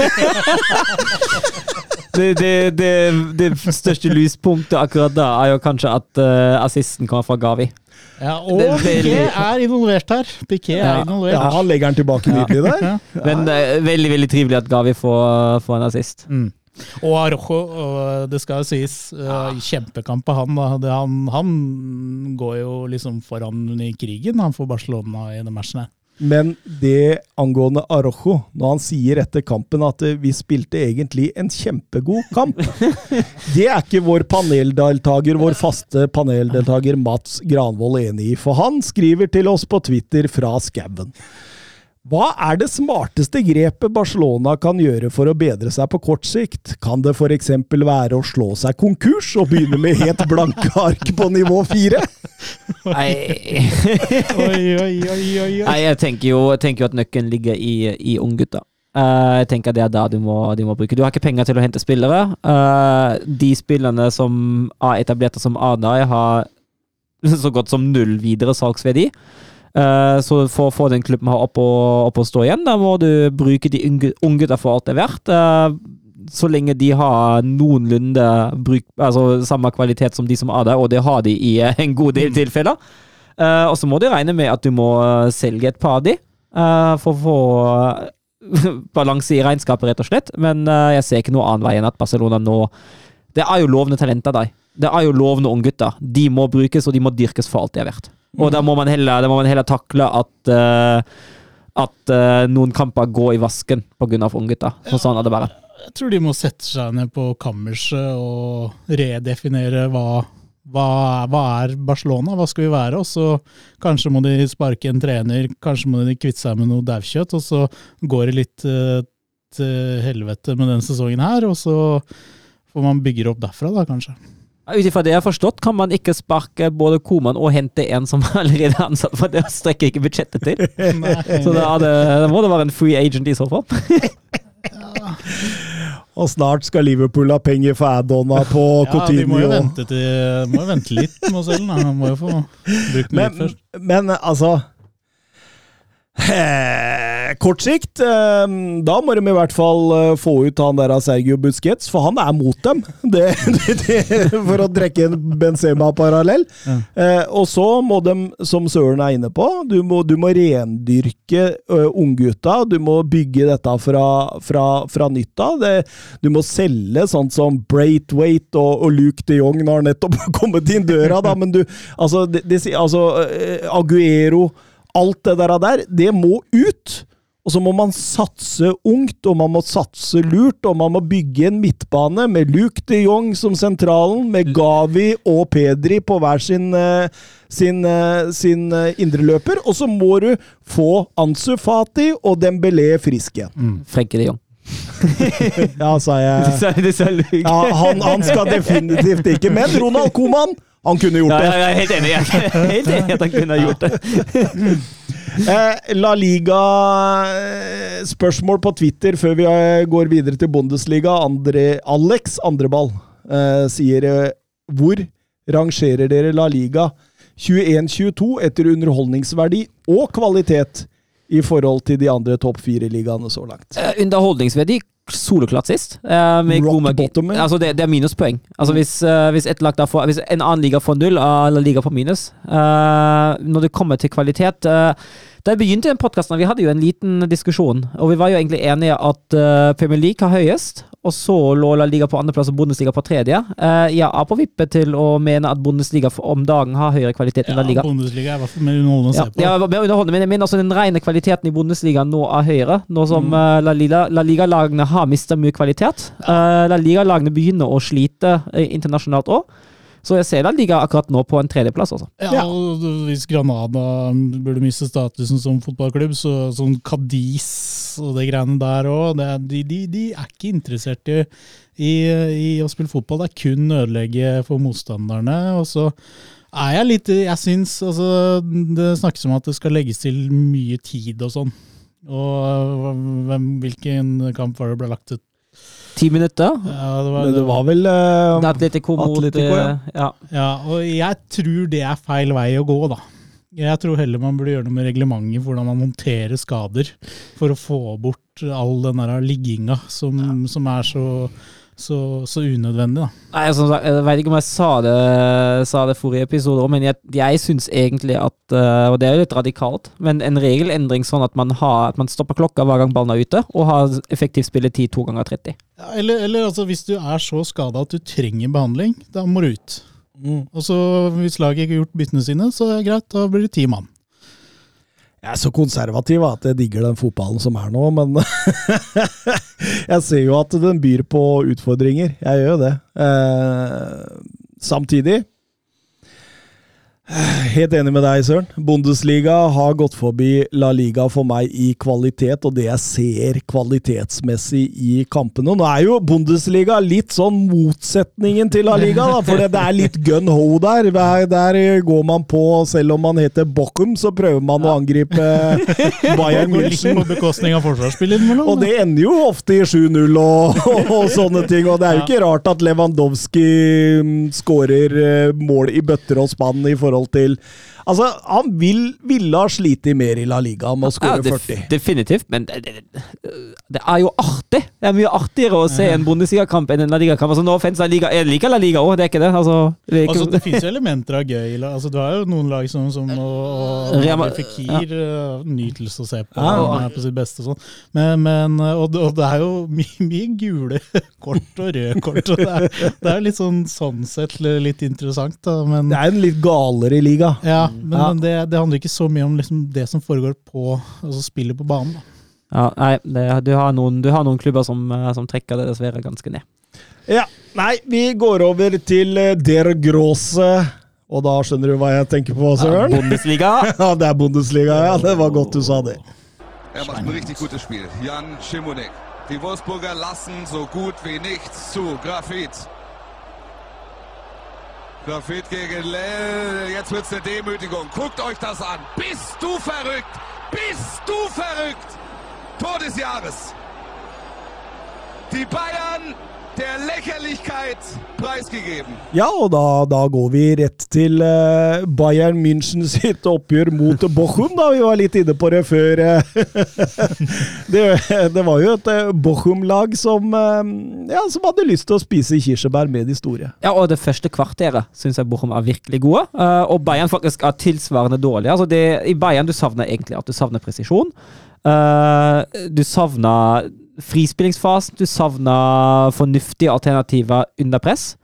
Uh, mens Bochum legger et høyt press. Bochum står ekstremt godt etter Bochum er aggressiv. Bochum vinner en del i, uh, i Bayerns halvdel, og Bochum lar egentlig ikke slippe Bayern til på, som, på noe som helst. Og så har du ett frispark som Sané setter i mål i det 17., og det skifter hele kampen mot Bochum. Men- Og Bochum kollapser fullstendig. Ja, for etter der så er det åpning Ja, det- det- det er i det forsvaret som man, eh, man finner ikke låvedører som, eh, som eh, byr på samme åpninger. Altså. Bayern ender vel på en XG på 6,88 til slutt. Og 6,87 av dem kommer etter frisparket til Sané. ja, men, men, men det jeg tenker på, da, at altså de, de, de prøver jo i hvert fall å kontre på, på Bayern München, men, men de har jo ikke spillere til å kontre. Altså, jeg snakker om eh, Polter og Gerrit Holman, Holt, Holtmann og Pantovic der. Det, det er jo ikke tempo i dem engang! Og, når- og, og når du da skal begynne å kontre så, så blir det veldig spett, og det, det er jo klart det at, eh, at eh, etter 1-0 der, så ser jo Bayern München ser jo på hverandre og tenker ja, ok, hvor, gutta, hvor mye skal vi vinne her? Ja, og det, altså det ser jo altså, virker som om Bayern får litt, litt tryggheten som de kanskje trengte i den kampen etter 1-0, og Bochum bare mister motet fullstendig. Men uh, altså, de sier jo ikke. Det er ikke sånn at de plutselig plutselig bare dropper. Så de står jo fortsatt høyt, men de står jo mye mer spredt, og presset er ikke sammenhengende i det hele tatt, og da får du Nei, de får, altså Gi de jo god hjelp i noen situasjoner. Selvmålet på 4-0 er jo uh, småkommers til deg. Lambropolus. Det Ja. høres ut som en eh, dårlig vin, og eh, han var kanskje litt, uh, litt små, småbedugget. Når, Når du da ser keeper Riemann bare står i hjørnet og bare lurer på liksom Du ser fortvilelsen i ansiktet hans når denne grekeren, eller hva det er, slår ballen rolig inn i mål. og da har du allerede hatt tre i sekken fra før av, du er ikke midtveis Nei, engang. og jeg, jeg syns synd på Riemann, fordi jeg synes, altså, han, er jo, han er jo litt sånn uheldig i, eller han er dårlig i den som til slutt blir annullert for offside, men utenom det syns jeg Riemann spiller, en, spiller faktisk en god kamp, til tross for sju i sekken. Absolutt, og det, det blei jo en perfekt lørdag for Bayern München. De, begynte, de kunne få hvile spillere og Ja. bruke troppen godt, og jeg selv Erik Maxim Choupo-Moting setter jo mål der. der. Super sub, altså. Jeg syns han skårer hver gang jeg er her. Ja da, han var agenten, han gjør Ja, bare jobben sin. Han. Men eh, Lewandowski skårer også. Og for Lewandowski er det nå mål i 13 Bundesliga hjemmekamper på rad. Og det er ny rekord overall i Bundesliga. Er det det enkleste målet Lewandowski har skåret? Ja, det, er, det, er, altså, alene, de mål, de målet alene har jo en XG på én. For den da kan du ikke bomme på. Helt umulig. 0,99, da, men Men at ikke Lewandowski i en sånn kamp skårer flere, det er jo nesten litt merkelig. Ja, det er Altså, det, Dette er jo kamper Lewandowski bør skåre fire, Ja. i hvert fall, liksom. og og Nei, det er jo en styrke at uh, hele Bayern lag Altså Kimmich med to, det er ikke en hverdag du, Ja, du får ut heller. som Reinier han på et par av de der. Ja. Absolutt. Men, Altså, altså har jeg lyst til å trekke fram uh, Leroy Sandy. Etter at uh, han fikk jo en elendig start på sesongen, var ordentlig svak, fikk pipekonsert mot seg, og han ser jo ut som en helt ny spiller nå. Mm. Altså, han, han åpna kampen for Bayern ved å skåre. Han gjør en, eh, nok en gang en eh, god kamp offensivt. Han jobber med defensivt. Jeg syns, det ser strålende ut nå. Driver og snakkes om et bytte med Werner i, i Chelsea nå. At Nagelsmann ønsker rett og slett å få Timo Werner til på, på Eh, laget altså, er, det, er, det, er det én trener som kan få Tino Werner til å skåre mål igjen, da? Jo, er det jo Nagelsmann. Men, men jeg måtte jo flire også av Thomas Müller da når han setter 8-0 der, og det blir annullert. Og den, den jublinga han har altså det, det er jo som om han har vunnet en rein tittelkamp i siste minutt mot Dortmund, liksom. På, åtte- altså på 7-0 mot Bochum. Men jeg tror Thomas Müller han finner uh, stor glede i små ting. Ja, jeg, altså, jeg tror det er en fyr som er oppriktig glad i å spille fotball og skåre mål, og det er kjempekult. Ja, Jeg hyller det. Jeg syns jeg er konge. Artig. fullstendig slakt, og vi går over til en eh, kamp som eh, ja, var, var absolutt mer nervepirrende når vi snakker om Köln mot RB Leipzig. Ja, og Det var jo litt av et fyrverkeri, det òg. Jeg syns det var en kjempemorsom Jeg er fotballkamp. helt enig. Og det, det det kunne blitt 5-5. Ja, jeg er helt enig. Jeg syns det, var- det var helt konge. Uh, begge har jo litt, uh, litt den samme strategien mot ballen. Mm. Begge går ganske høyt uh, Ganske høyt ut. Begge prøver å tvinge motstanderen til feil. Jeg syns Leipzig lykkes bedre. Mm. Jeg syns Leipzig har et lite overtak, men Köln er absolutt med på notene. og jeg syns man begynner å se de trekkene av, uh, av det typiske March-presset. Uh, at Leipzig venter ikke lenger Altså, Leipzig begynner å bevege på seg så snart ballen spilles, og prøver å avskjære presset der. Jeg syns det begynner å bli tydeligere og tydeligere. Ja. Jeg synes det. De, de kjører kampen etter hvert sånn utover i første omgangen der. De har en sånn herlig energi i spillet sitt. Det er godt presspill, direkte presise i oppspillsfasen. Og, og, og de får jobba for penga i Køllen-forsvaret der en periode, og jeg syns det er en, en Altså, det, ja. Det er kanskje den beste kampen jeg har sett RB Leipzig spille under eh, Jesse Mars. Ja, Sammen med den mot Stuttgart, men der var motstanderen svakere. Men de lider jo av et potensielt noe som kan bli en stor spisskrise, da, Leipzig, vil jeg si. Ja, hvis ikke, andre, altså, hvis ikke Andre Silva kommer i gang, ja. Definitivt. Det kan bli et uh, night Han ser kald ut! sånn. Ja, Han ser kald ut. Fortsatt altså, selv i en sånn kamp der Leipzig faktisk ah, Altså, de andre kampene han kan man jo tenke, altså Leipzig har ikke vært så mye offensivt uh, involvert, har slitt litt med å skape ting, men i den kampen er jo Leipzig frampå og på, og skaper ting, og fortsatt annen kall. Mm. Han skårte i gjennomsnitt eh, i hvert 99. minutt sist sesong. Eh, Nå er han oppe i 377, og det var vel et Det var straffespark som straffespark. Stuttgart, ja. Og så kunne det jo fort endt andre veien òg. Duda har vel en gigasjanse. Tverra der, ja. Ja. Men eh, tidlig ute i annen omgang der, så er det Antony Modest som setter 1-0. Ja, og det var jo Fikk vel annullert litt der òg, først, og det Jeg syns jo den er, den er tøff å gjøre litt om på. Uh, det er jo en situasjon som egentlig først blir annullert, og Modest setter en nydelig avslutning i lengste. Eh, det er jo en duell mellom, mellom Ot og Simakan, Simakan. ja, Simakan går i bakken, eller treffer dårlig på klareringen. Den, den spretter ut til Modest, og Modest avslutter. Blåses egentlig av, og så tar de vei. Men jeg ser ikke at han ikke treffer ham. Og jeg tenker hvis Ot treffer ham og sørger for med et treff på Simakan at den klareringa blir som den blir, da skal den annulleres. Og jeg ser ikke motbeviset. Jeg tenker ikke at den da er clear and obvious til å annullere. Nei, jeg er faktisk enig med deg. Men, men igjen, altså. Det er så marginalt, dette greiene her, altså. Men Og- igjen enig.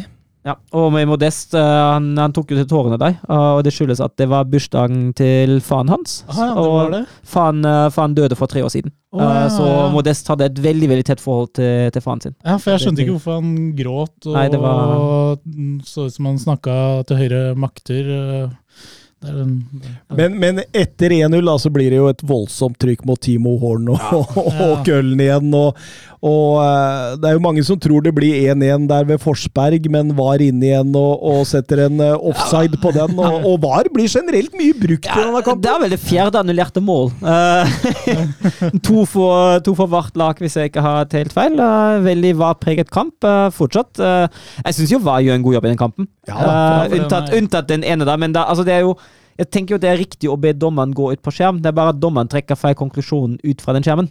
Er ikke det liksom Tysklands desidert beste dommer, da? Felix Brüch? Ja, ja. Ja, Ah. doktor Felix Nei, altså ja, det er jo han som dømmer Champions League. Jo, og, eh, en, be, en beste nå måtte jo legge opp fordi den blir for gammel, dessverre. det var han Haaland drev og kosa på. Ja, det. Manuel Grefe. Han var, han var helt konge. Jeg er ikke sånn Brüch har styrke og svakheter. Har ikke hun dama blitt sammen med Mark Clattenburg? Jo, Hun er- eh, var Bibiana Steinhaus. Ja, og hun, eh, hun har nå gått over til England i en posisjon som en eller annen uh, Var det dommerutviklerekspert eller et eller annet? Jeg husker ikke. Oh. Men hun, er i hvert fall, hun jobber i hvert fall for FA nå. Nusser litt på Clattenburg på kveldinga dommerutvikler, var det det du sa? På dagtid? Ja, det er en god kombo, det. Om jeg får si det sånn, er det lov å si? Men Haidara setter 1-1, og det var jo fortjent. Ja, fullt fortjent. Fullt fortjent. Eh, litt, uh, litt ironisk at det kommer etter en corner. Ja, faktisk. faktisk. Ja, ikke helt, eh, ja, men uh, er fullt fortjent, og jeg syns jo det hadde vært Soboslai slår de cornerne. Ja, det, altså, den, den dødballfoten han har, er konge. Eh, jeg syns jo eh, Altså, syns jo til tida han forsvinner litt i kampene uh, innimellom, men han er jo, han er jo et strålende talent. Jeg syns han var best på banen ja, den, den kampen var han god i. Helt enig. Um, han sliter litt mer nå Leipzig sliter generelt, offensivt. Men uh, jeg syns jo han, han har vist absolutt takter som ser ekstremt bra ut, og den døverfoten hadde ingenting å si på. Nei. Men de rusla mot 1-1, og så får Köln en så stor sjanse. Ja, altså, det er en dobbeltsjanse der. Og at ikke Dodas At ikke den sitter. Det er voldsomt. Det er voldsomt. Han har jo, han har jo åpent mål. Altså, det er jo Andersson går alene med keeper Gulashi redder stående, men må gi retur, og Doda står ved fem meter fra mål. uh, og klarer å sette den rett på Gulashi, som ligger i det ene hjørnet. Ja. Det er helt sykt. Og, men det hadde ikke vært fortjent. Glenn Weber på Twitter etter 1-1-kampen eh, steg i riktig retning for RB Leipzig. Det har jo vært en tung start, skriver han. Ja, jeg syns det. Jeg synes absolutt det var altså, Du har vært inne på det. Det var en av de beste kampene Leipzig har spilt denne sesongen. Uh, jeg syns absolutt at det har så bra og lovende. Så skal man ikke glemme at Köln under Baumgart det er et uh, vanskelig lag å møte. Baumgart har fått uh, ny fart i dem, og på bortebane i Köln er det ikke sånn kjempemorsomt nødvendigvis å dykke opp da nå og bare plukke tre poeng, men uh, jeg syns Leipzig hadde hatt fortjent tre poeng. Uh, og jeg syns dette har så bra ut. Og hvis Leipzig bygger videre på det her, da er de absolutt tilbake i topp fire om ikke altfor lang tid. Deilig svar til Weber der, altså. Eh, Dortmund, Union Berlin ble jo også en, eh, en, en morsom kamp, og Haaland mot Ryerson. Og da varta jo vi har satt opp med studio! Det måtte jo selvfølgelig. selvfølgelig. Men, men jeg syns jo altså Dortmund tar jo styringen ganske umiddelbart. Eh, Union ganske kompakte fra start, men veldig smale og mannsorientert. Sånn at det, de ønsker jo å få pressa Dortmund ut på kantene. og Mm. Ja, men det var det lureste å gjøre, veit jeg Ja, ikke. det, det, det, det, det er jo det, da. Eh, balltempo og vendinger ble jo en nøkkelfaktor, og, og Dortmund hadde jo en god dag. De eh, kjørte jo på, de hadde bra tempo i spillet sitt, de vendte opp spill, og de spilte noen slags skeiv 4-4-2, hvor, du, hvor, du, hvor du lot Bellingham få en helt fri rolle, og så var Malen helt ute som en venstrekant Ja. for, for å lure Gureiro opp i Mm. banen sånn sakte, men sikkert. Og, det var jo en taktikk som slo meget godt bra. Det meget meg godt bra, fordi de, de tok inn det Altså, Union tok ut dybde, men Dortmund tok inn bredde. Eh, og da fungerte de, spilte seg rundt. Uh, Jeg syns jo også særlig i starten at uh, Malen vinner jo nesten alt av dueller han har mot Ryerson. Ryerson kommer seg litt etter hvert, men det er konstant farlig der. Eh, og så er jo vendinga ut mot, uh, mot Monier på høyre. Det har jo blitt et våpen. Ja, Monier har kommet seg, Ja, kommet faktisk. seg, eh, ser det ut som. Men vi kunne jo hatt en hel podcast-sending om målet til Gureiro. Ja! Ja, det, det, det, det er så vakkert. Det er så nydelig, det der. Det er, den avslutninga han har der, å herregud. Altså, den den får en sånn deilig sånn der, Ja. skudd, og det, det, det, det, er, det er fra ekstre, altså ikke ekstrem spisshold, men det er, liksom, det er hjørnet av 16. Ja. Ja. Og, og du, du får så fyr og klem på da. Jeg, etter kampen han kalte det sitt fineste mål noensinne. Og det, det- det kan man Ja, og det er forstå. jo det er jo fyren som satt uh, frispark uh, midt i krysset fra 25 meter mot Ja. Leverkosen uh, forrige uke. ja, men det er sånn treff, du. Når du, du kjenner jo bare at det her blir Du kjenner det når han forlater foten, at Ja. det er litt tilfeldig at han dukker opp der, men så bare klemmer han til, og det, det er så deilig. Det Ja, er det er, det er nydelig. Eh, så har jeg lyst til å rose Rose også litt. Mm. Eh, Rose, rose. Rose, rose. Bling, for jeg, syns, eh, jeg syns altså, Vi har snakka om den diamanten, uh, men jeg syns motballen nå uh, ligner etter å ha med en 4-3-3. For Ja. Royce går mye mer ut på høyre.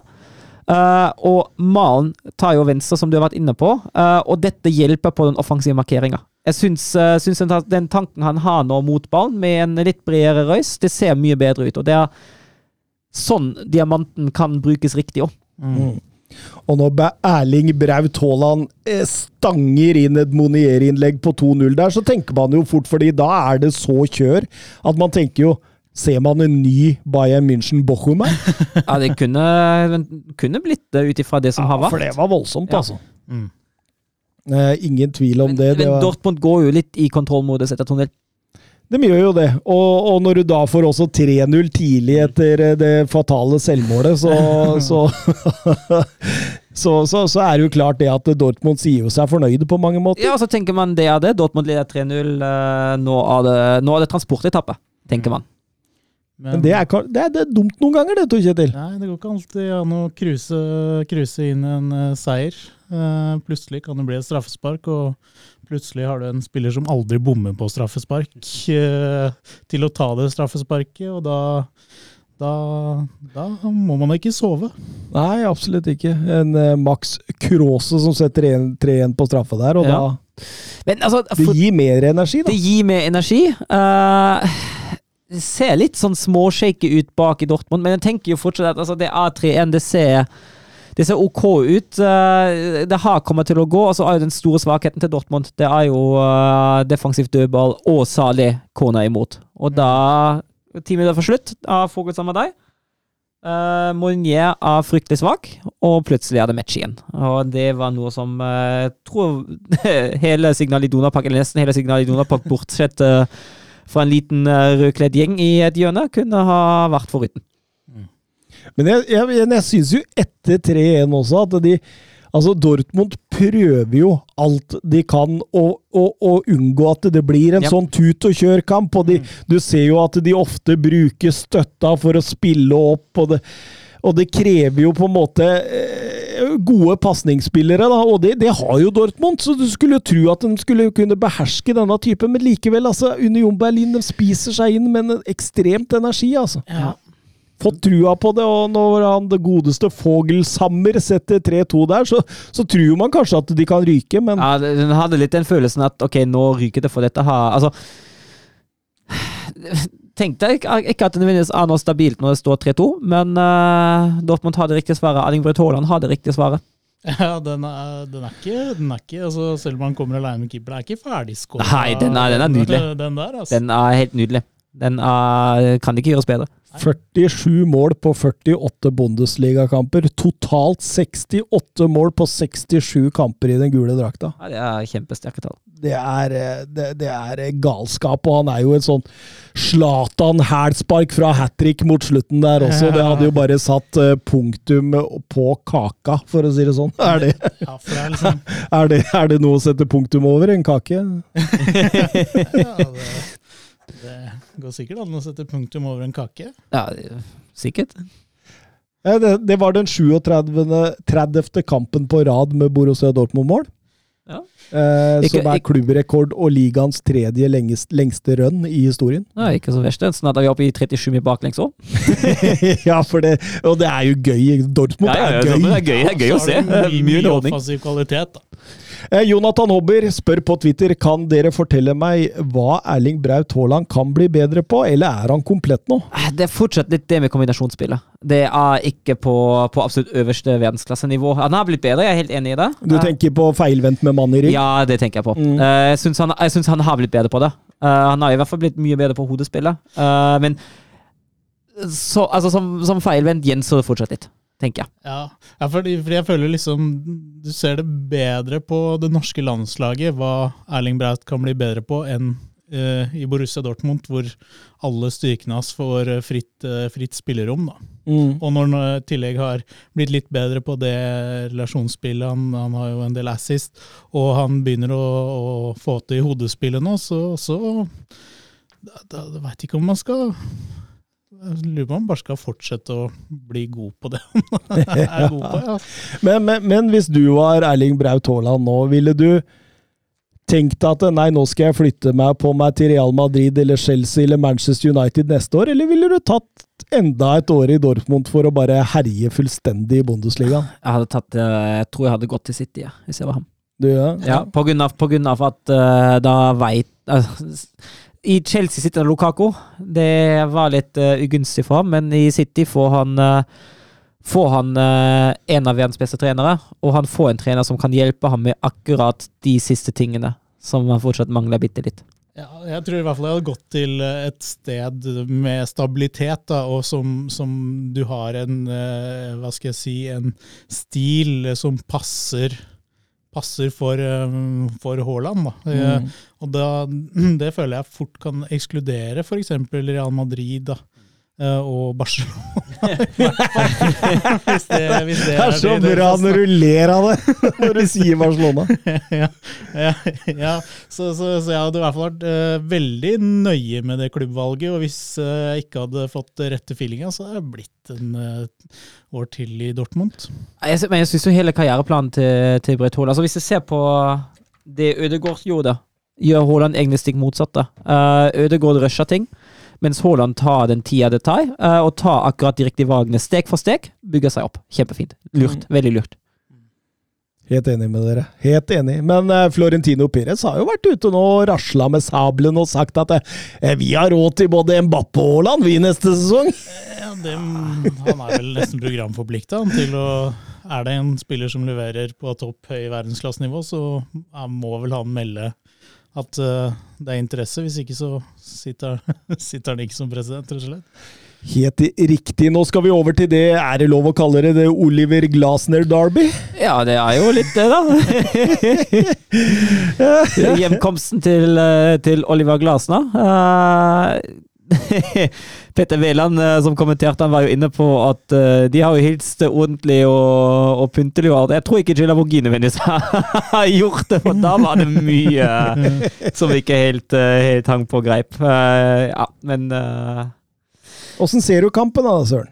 Ja eh, Det var vel ikke en underholdningsmaskin av en fotballkamp? Nei, men jeg er fornøyd med det Wolfsburg presterer. Mm. Um, jeg syns jo Wolfsburg er det beste laget, unntatt en periode i første omgang. Uh, Wolfsburg er jo de største sjansene i begynnelsen nå, Babo og uh, og Verhos. Det er jo litt sånn typisk uh, Eller Jeg synes jo han, altså den Lyon, Hvis man ser på den lille kampen, uh, som var helt katastrofe nå i midtuka har jo, det, Dette har jo et stort steg uh, framover. Jeg syns Bakio og Mbabo på høyresida ser virkelig friske ut. Mm. Uh, godeste Mbabo må jobbe ekstremt med den innleggsfota si, for det går ikke at han blir brukt så mye offensivt, og så havner fem av seks innlegg ved motsatt hjørneflagg. Uh, det funker ikke helt, det må han absolutt jobbe med, men uh, han sånn sett hadde han jo passa i Arsenal. jo, jo, men han gjør jo en god kamp. Altså, Babo for all del. Han er jo, han er jo god. Fin driv. Ja, ja, ja. Veldig fin driv. Herlig.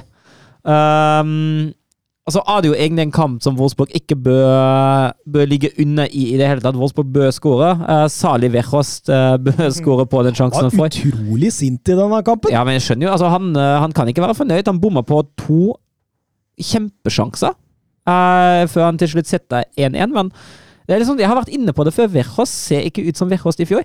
Ha, det er et altså han, han bomma mye mer, han bruker mye flere sjanser enn han uh, gjorde i fjor. Står med tre mål, burde nesten ha stoppet med dobbelt så mye med tanke på sjansene han hadde. ja. Men uh, Frankfurt ved Lammers som tar ledelsen. Uh, Bono, som er litt langt unna motspilleren der. Blir veldig ball-watching der, altså. Ja, blir veldig, han, står, altså, han står jo fem meter unna, men det Lammers gjør, den avslutninga, er jo teknisk helt nydelig. Mm. Den volleyen da i, i øverste hjørne er topp gjennomført av Lammers. Men tror du André Silva så den matchen og tenker jeg savner Kostic litt? eller? Savner... ja, det var fint satt opp. Fint satt opp av Kostic. Ja, definitivt. Men det kommer jo altså, det kommer jo bitte litt mot spillets gang. Uh, selv om Frankfurt er litt inne i en, uh, i en god periode. Men uh, i andre omgang er det, er det Wolfsburg for alle penger. Da Fram til 1-1 og vel så det er jo by, altså det Possession-spillet begynner å komme litt i gang. Uh, mm. Wolfsburg begynner å, å, virkelig styre kampen og skape noen sjanser. og på en er jo en Bavos uh, involvering der. Det er jo det som gjør forskjell.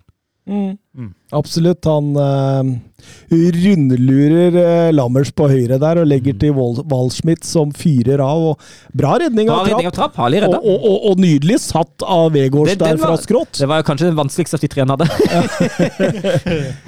Og da har Veghors eh, skåret fem på sju matcher mot eh, Frankfurt. Veldig glad i å møte Frankfurt, ja. tydeligvis. Og alle hans 56 mål har kommet innafor boks, eh, ja. Tor Kjetil. Det er med, med Wout. Ja. Det er ikke så overraskende når man, når man ser, hvordan på kropp, kroppsform og ferdigheter. Det, det, det, er jo en ren boksspiss. Det er jo som det er, og det er greit. Uh, jeg er ikke helt fornøyd med siste, siste 10-15. Uh, jeg syns det blir en for åpen kamp. Jeg syns det blir for mye Hawaii. Uh, jeg syns Wolfsburg Eller i en sånn kamp, da, tenker jeg at uh, man bør ha litt mer kontroll. Ikke løpe så mye uh, i overgangen mot et lag uh, som har en trener der man vet at overgangsspillet er en av de store styrkene. Mm. for det kunne fort ha Altså, Frankfurt får noen potensielt veldig farlige situasjoner. du har jo noen som Lacroix Luakra uh, rydda, og jeg tror Lindstrøm uh, fortsatt er i lomma til uh, Babo etter at han, uh, etter at han kom. Jeg kommer seg ikke ut av den lomma i det hele tatt, men, men det mangler litt sånn den suvereniteten, den, den roligheten der, mot slutten, tenker jeg. Mm. Det, det, men, men, når, eh, når godeste Lammers skårer 1-0 der, så er det faktisk første målet Wolfsburg slipper inn uansett uh, turnering, denne kampen fra åpent spill. Ja, jeg fikk jo mot Münster, var det vel etter en kone, og mot Hertha BSC var det i uh, var det et straffespark. Mm. Og det er jo, det er jo sterkt. Uh, skal jo sies at uh, mot Lill har vi, har vi dårlige Lill-avslutninger og en god keeper unna å tape både to og tre. men, men, men uh, henger med i toppen, altså. Henger med i toppen, og altså hvis du, ser, hvis du bare ser kampen for deg sjøl, av 1-1 en liten skuffelse. Uh, hvis du ser kampen etter at man ligger under 0-1 og kommer tilbake, er det greit nok. Og hvis man ser nå at man har 13 poeng ut av de fem første, er det i hvert fall helt i orden. Deilig! Da går vi til Serie A. Era il marcatore di Cannavaro. Palla tagliata, messa fuori, c'è Pirlo, Pirlo, Pirlo, ancora Pirlo di tacco, tiro, gol!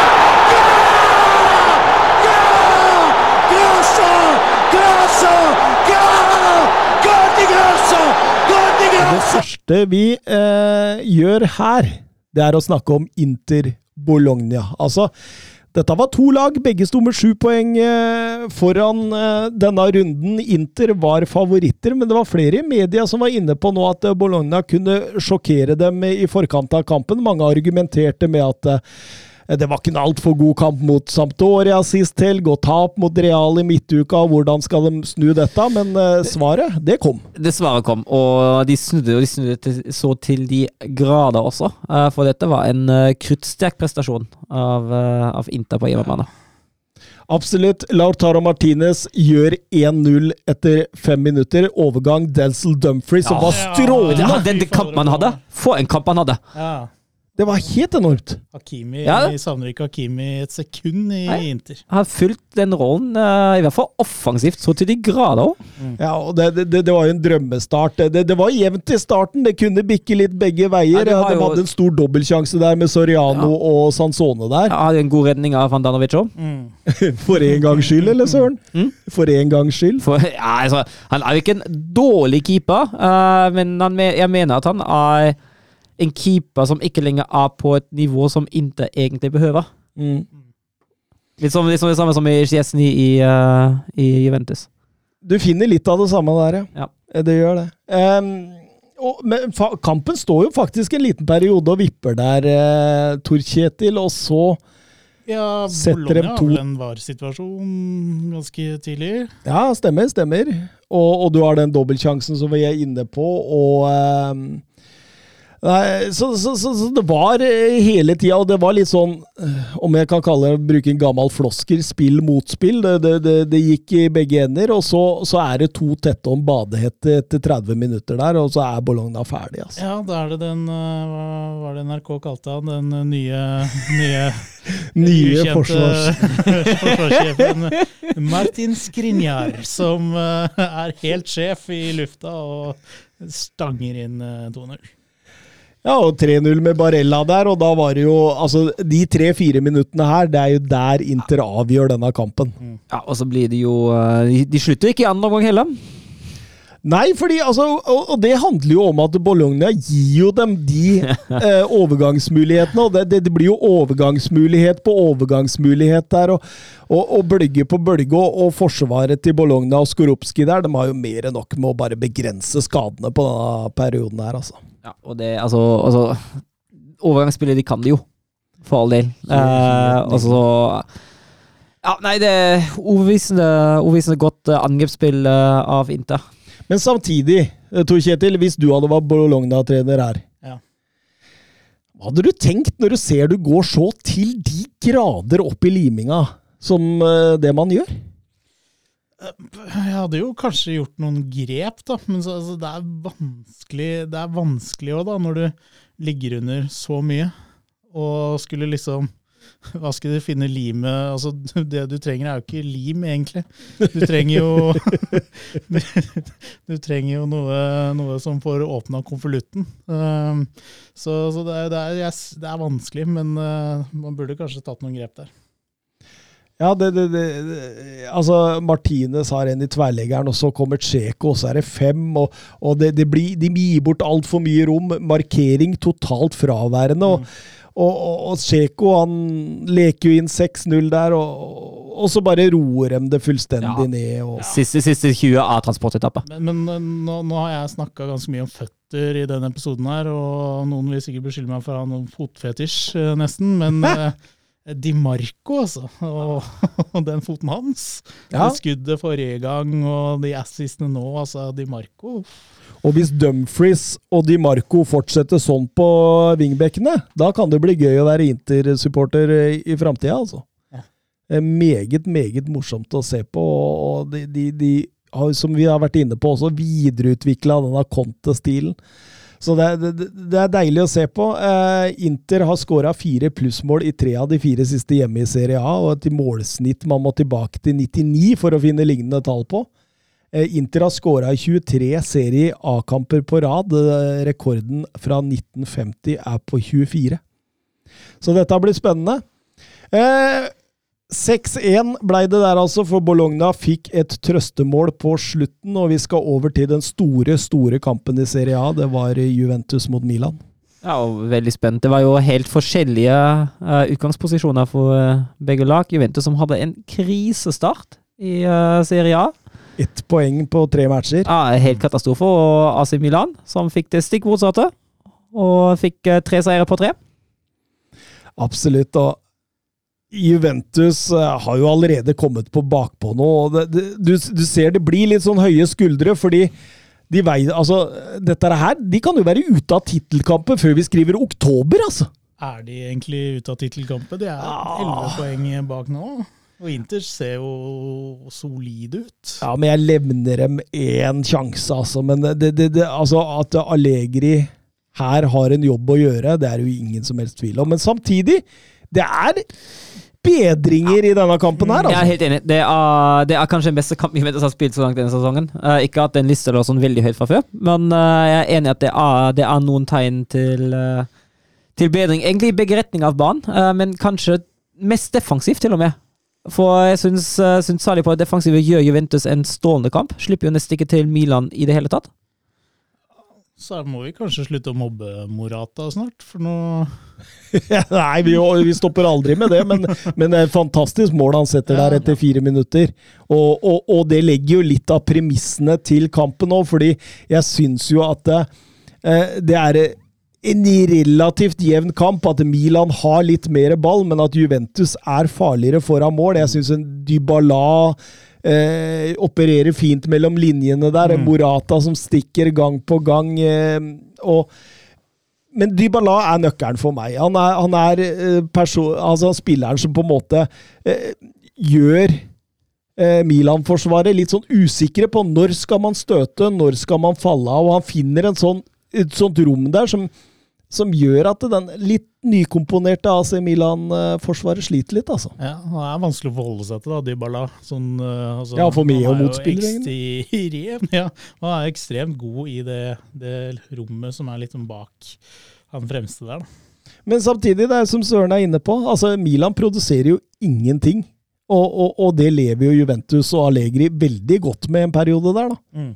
Eh, og- og syns også Milan tar mye skuddmuligheter fra dårlig langt Ja, hold. begynner jo allerede med Tonali i, i starten og strekker seg egentlig gjennom hele kampen. Eh, Det satt jeg og tenkte litt på, Tor Kjetil. At det, hvor, hvor, hvorfor smeller man av så voldsomt mange skudd fra langt hold som på en måte ikke har Altså, XG-en i gjennomsnitt på de skudda der Ja, ikke sant? Altså, det, er, det er jo ikke i nærheten engang. Det er bedre å bygge opp et trykk. Det kan jo hende de uh, har liten tiltro til at de skal klare å spille ut Juventus-forsvaret der, da. Ja, men det burde de jo ikke ha! Nei.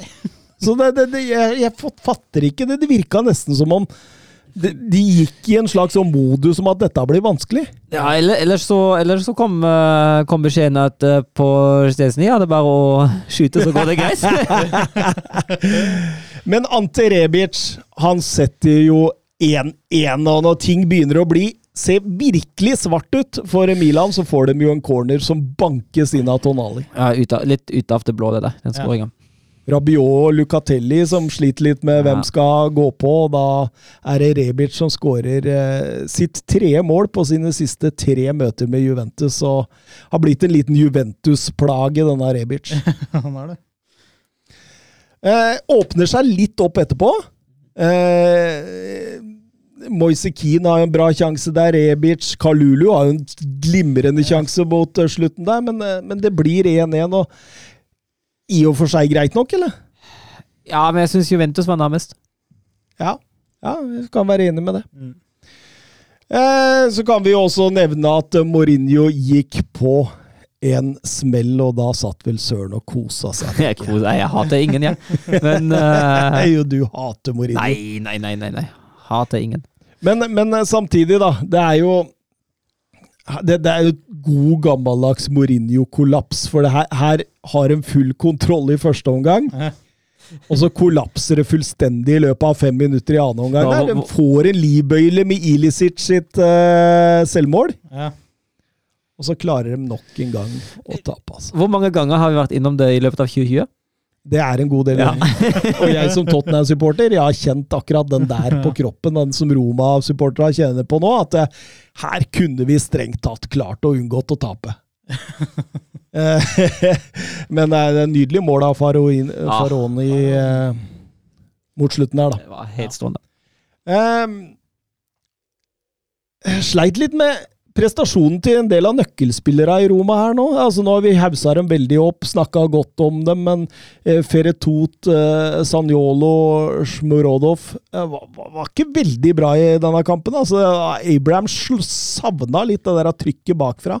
Kun Luca Pellegrini, syns jeg, som gjør en strålende jobb framover i banen der. Ja. Skjærmålet er jo til Ilicic. Det er jo Det er Rein uflaks. Jeg syns han var god. Han kan ikke gjøres fordi altså, hvis han ikke prøver å ta ballen, så er jo uh, Tammy Abraham blank. Ja. Så ja. Men jeg syns Ilic ser veldig bra ut.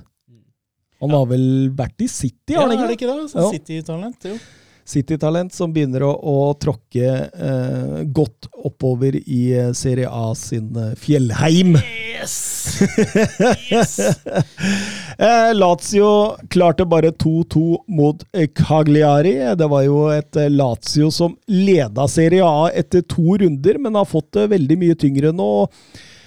Eh, Sarri var inne på etter kampen at eh, Ok, vi skaffa litt, eh, litt eh, positivitet og, og eh, Hva heter det? Når du er sånn du, du, er, du er trygg på at det kommer til å gå bra framover. Selvtillit? Nei, men altså Tro? Nei, positivisme og Ja, drit i det. men, men poenget til Sarri da, var at det kommer til å ta tid. At man skifter herfra fra den, den veldig sånn der ekstreme, direkte 3-5-2-systemet til å bli mer ballbesittende 4-3-3, og at det sitter i beinmargen. Og at han spesielt sliter med å finne balansen sentralt i banen. så så langt på vei så avskriver han Lazio fra tittelkampen med å si dette, at dette kommer til å ta tid. Sorry, altså han avskriver seg sjøl, holdt jeg på å si. Men det er jo kanskje fornuftig å prøve å senke litt forventninger rundt, eh, rundt det hele, at man eh, får litt mer arbeidsro. Ja, absolutt, og det var jo ikke akkurat eh, Selv om de leda etter to serierunder, så var jo ikke akkurat det kamper mot eh, Inter og, og Milan de hadde spilt. Det var jo Spezia og Ja. Empoli, så det Ja. ja. Så nå Jeg har ikke oversikt over um, hva Immobile ligger på den, så langt i sesongen. Uh, men det er jo, han er jo en nøkkel. Altså, hvis du skal ha tro på, på, på det offensivt, så er jo han nøkkelen. Og på første mål der så gjør han jo alt rett. Han løper til og med ut på løpebanen, uh, som han skal når man scorer på Olympico. Var det noen av dere som fikk med dere Odinese Napoli? Det gjorde ikke jeg. Det Nei. gikk seint, seint i går kveld, og jeg prioriterte Barcelona. Men eh, Napoli tok tabelltopp i Serie A med 4-0. Ja, Ja, Sterkt. Jeg så highlightsene der. Mm, var det greit, eller? Det var greit. Så- Så Insigne så frisk ut, basert på highlightsene, selvfølgelig. Det Målet til Oshimen er jo Insigne sitt. sånn stjeler den på, på Oshimen trenger litt selvtillit. vet ja da, han, altså han, Det han gjør, er egentlig å sikre den inn, da, for det er en, en lobb som en forsvarsspiller løper mot. Så, så eh, han stjeler den ikke. Han, han gjør som en spiss skal gjøre, kontrollerer at den havner i kassa. Da. Og Kolibali har et eh, kjempemål, altså en klokkereint eh, treff. eh, Som går opp i, opp i hjørnet der, og så er det vel Hirving Lozano da, som, Som var meget gode deler av sesongen i fjor. Ja. Han er en artig spiller, altså det syns eh, Og han eh, Ruiz altså Napoli har mye kvalitet. Han er deilig. Eh, Ja. Fabian Ruiz han er en sånn spiller på sitt beste, som kan styre Altså, det, ja, kunne gå til Barcelona. Ja. Han, han kunne det, det er sånne spillere de må hente. Det er ikke Luke de Jong og alt mulig rart. Nei, eh, spennende, spennende. Eh, vi eh, tar også en tur over til league Ø. sur la frappe de Messi de, de Mercado, Mercado, oui. Mercado et, et là aussi on a un petit peu de réussite. Griezmann sur l'appui, c'était bien joué avec Giroud. Oh, Dan. Oh, Sylvain, il l'a vu Oui. Kylian Mbappé Kylian Mbappé, il l'a vu Ça fait 4 Et ça fait peut-être un quart de finale pour l'équipe de France 68e minute la joie collective parce qu'ils ont tous jailli du banc pour aller saluer cette passe décisive géniale de Giroud et ce doublé pour Kylian Og i Ligue Ø så kan vi jo begynne med at eh, de som ikke har tid til å vente på Thomas sin IPTV-løsning, så kan vi jo informere at Nettavisa Ja. har kjøpt uh, rettighetene der, og hvis du har såkalt plussabonnement, så får du, uh, får du League Ø på kjøpet. Det er én krone eh, den første måneden, og så går det over til et abonnement på 2,49 for de som absolutt må se Nå tror jeg du får tilgang til en haug av sånne lokalaviser og noe greier òg, hvis ikke jeg har misforstått eh, den eh, prisingen helt. da. Ja, og så, og så tenker jeg det at hvis man er altså Fordi det, det, det går an å dele med fire i husstanden. Ja. Og det, det, det betyr jo egentlig det at eh, da kan man jo, hvis man er en kompisgjeng på fire som har lyst til å se Messi, Mm. Så kan man jo faktisk bare Altså, husstand og husstand, du veit jo, det går ikke an å, går ikke an å kontrollere det. Så der, da, da får du det for 65 kroner måneden, da, hvis du er fire kompiser. Det er glimrende deal, er det ikke det? Jo, jeg syns det er eh, Jo flere som sikrer seg rettigheter til disse ligaene, jo bedre Ja, er det. vi venter bare på noen serier. ja, det er, det er tøft med den streaminga, altså. Ja, Ja, det tar litt sånn der brodden av meg, egentlig. ja. Men vi kan snakke Paris Saint-Germain mot Lyon, og vi kan snakke at Messi, Neymar og Di Maria var på ba og, og, og, og Mbappé var på banen samtidig for første gang i League Ø. Og det er jo, det er jo gøy. Og jeg syns jo Messi er strålende i hele første omgang. Mhm. Han blir, Han, han står bak mye av det, ja. ja, han, han blir svakere i andre, eh, og blir etter hvert bytta ut. Og det var egentlig det som, eh, som ga Det var Som ga hele, overskriftene. hele snakkisen. Ja, eh, faktisk. Ingen brydde seg om hvordan kampen endte. Det var den byttinga som, som spilte en rolle. Men eh, når det er sagt, syns jeg ikke at Lyon gjør seg bort. Jeg syns Lyon er offensive og aggressive og spiller en eh, god kamp, i år. For det er jo fire minutter på overtid at dette avgjøres med en ja, god skåring av Icardi, da, men Ja, jeg- kanskje litt jeg hadde kanskje vært litt mer rettferdig med uavgjort der. Mm. Men også en annen spiller som Nå, nå har ikke jeg fått sett denne kampen, men uh, ser jo highlightsene. Sånn, Paketa. Ja, også en veldig spennende, spennende Mange snakker om Aouar og sånn på Lyon, men Paketa syns han virker veldig spennende. Paquetá er faktisk eh, den brasilianeren i europeisk topp eh, fem-ligaer som har skåret flest mål i kalenderåret 2021. Mm. Så, så han har gått litt under radaren, men, men samtidig, han setter 0-1 der tidlig i annen omgang. Jeg syns, jeg syns uh, Lyon er jo veldig kontringsbasert i denne kampen, og spesielt Toko Ekambi på, på venstresida, som klarer å røre til ganske mye ut mot Ti- Timo Kehler der, som ja, han, er, han er i han, Altså, jeg skjønner at han vil ha Hakimi inn der mot slutten, for å si det sånn, hvis vi skal over til det Messi-byttet. Ja, jeg er enig i det. Uh, og det er litt sånn Det er liksom den duellen som, uh, som PSG taper gang på gang, og det er den som, uh, som gjør det kjipt og farlig for dem. Ja, fordi altså eh, det, det blir 1-0, som dere er inne på eh, ved Paketa. Det blir 1-1 på straffespark med Neymar. Han eh, blir felt og tar den selv. Så ser litt soft ut, eller? Ja, jeg syns det. Eh, jeg, jeg syns eh, jeg syns, Altså, jeg syns jo det er Neymar som begynner å dra i motspilleren først. Og så begynner motspilleren å dra, og så går Neymar i bakken. Altså. Det er vel enkelte som hevder at nå har Qatar fått vel stor innflytelse på På livet. altså Ja, altså, jeg tenker ikke at det er straffespark. Nei, du, nei, jeg også så, så sleit litt med den, altså, fordi eh, Gusto der, han, eh, han gjør ikke så mye verre enn det Neymar Nei. gjør mot han. Og Neymar begynner. Men eh, Neymar setter iskaldt straffen sjøl, og da blir det jo 1-1. eh, Og eh, jeg syns jo Altså, Du ser jo Peter Bosch underveis i kampen. Han smiler og ler. Han syns jo dette har gått etter planen. og, og, og Van Dahl spør hva tenker dere om Messi Pochettino litt tidlig av Messi å begynne slik i ny klubb, eller? Fordi han blir jo tatt av. Mm. Eh, eh, meldte seg mer og mer ut i annen omgang. Mm. Eh, og Pochettino ser jo behovet for Hakimi der, mm. og tar han av. Og skal bort og hilse på han og si takk for kampen, liksom, og, og Messi bare går forbi. Er det litt tidlig? Jeg, jeg syns jo ikke noe sånn oppførsel, jeg. Nei, jeg syns det er unødvendig, men det, det er jo en uh, Messi som har vært hva skal jeg si, sittet på noen par stoler over presidenten i Barcelona, som nå skal venne seg til en, en hverdag hvor, hvor det, det er ikke han som får lov å bestemme absolutt alt i klubben. da, Og så blir han tatt ut, så Ja. Men, Men han hadde jo noen sånne i Barcelona, og det ble ikke så mye skriverier ute nå da. Så det, det, det er åpenbart. Ja.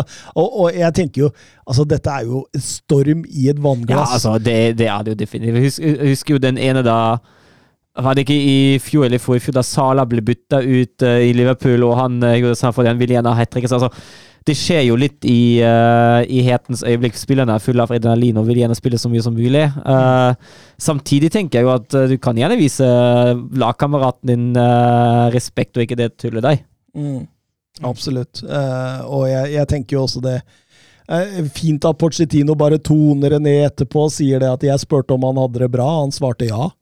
Og det var ikke noe særlig mer enn det. og leste sånn Twitter-meldinger på at spark den klovnen og sånt om Porcetino. Det er, det er jo helt galskap, egentlig. Ja, folk har ikke, folk har ikke rasjonelle, rasjonelle følelser når det kommer til, til Messi. Og så, og så er det jo Messi sitt blikk sånn altså Messi har jo ikke det sånn Han har et blikk som ofte kan virke litt kaldt. Så, så når de bildene som rulles ut fra kampen, er at Messi ser litt sånn morsk ut på på eh, Pochettino, så er det egentlig ved siden av blikket Messi ser på alle med innimellom. Ja, det, Det er det naturlige Messi-blikket. um, Icardi redder jo dagen. Setter eh, 2-1 på et herlig hodestøt der. Det er så deilig det der når du får et innlegg fra av sida, og du kan sette den tilbake igjen.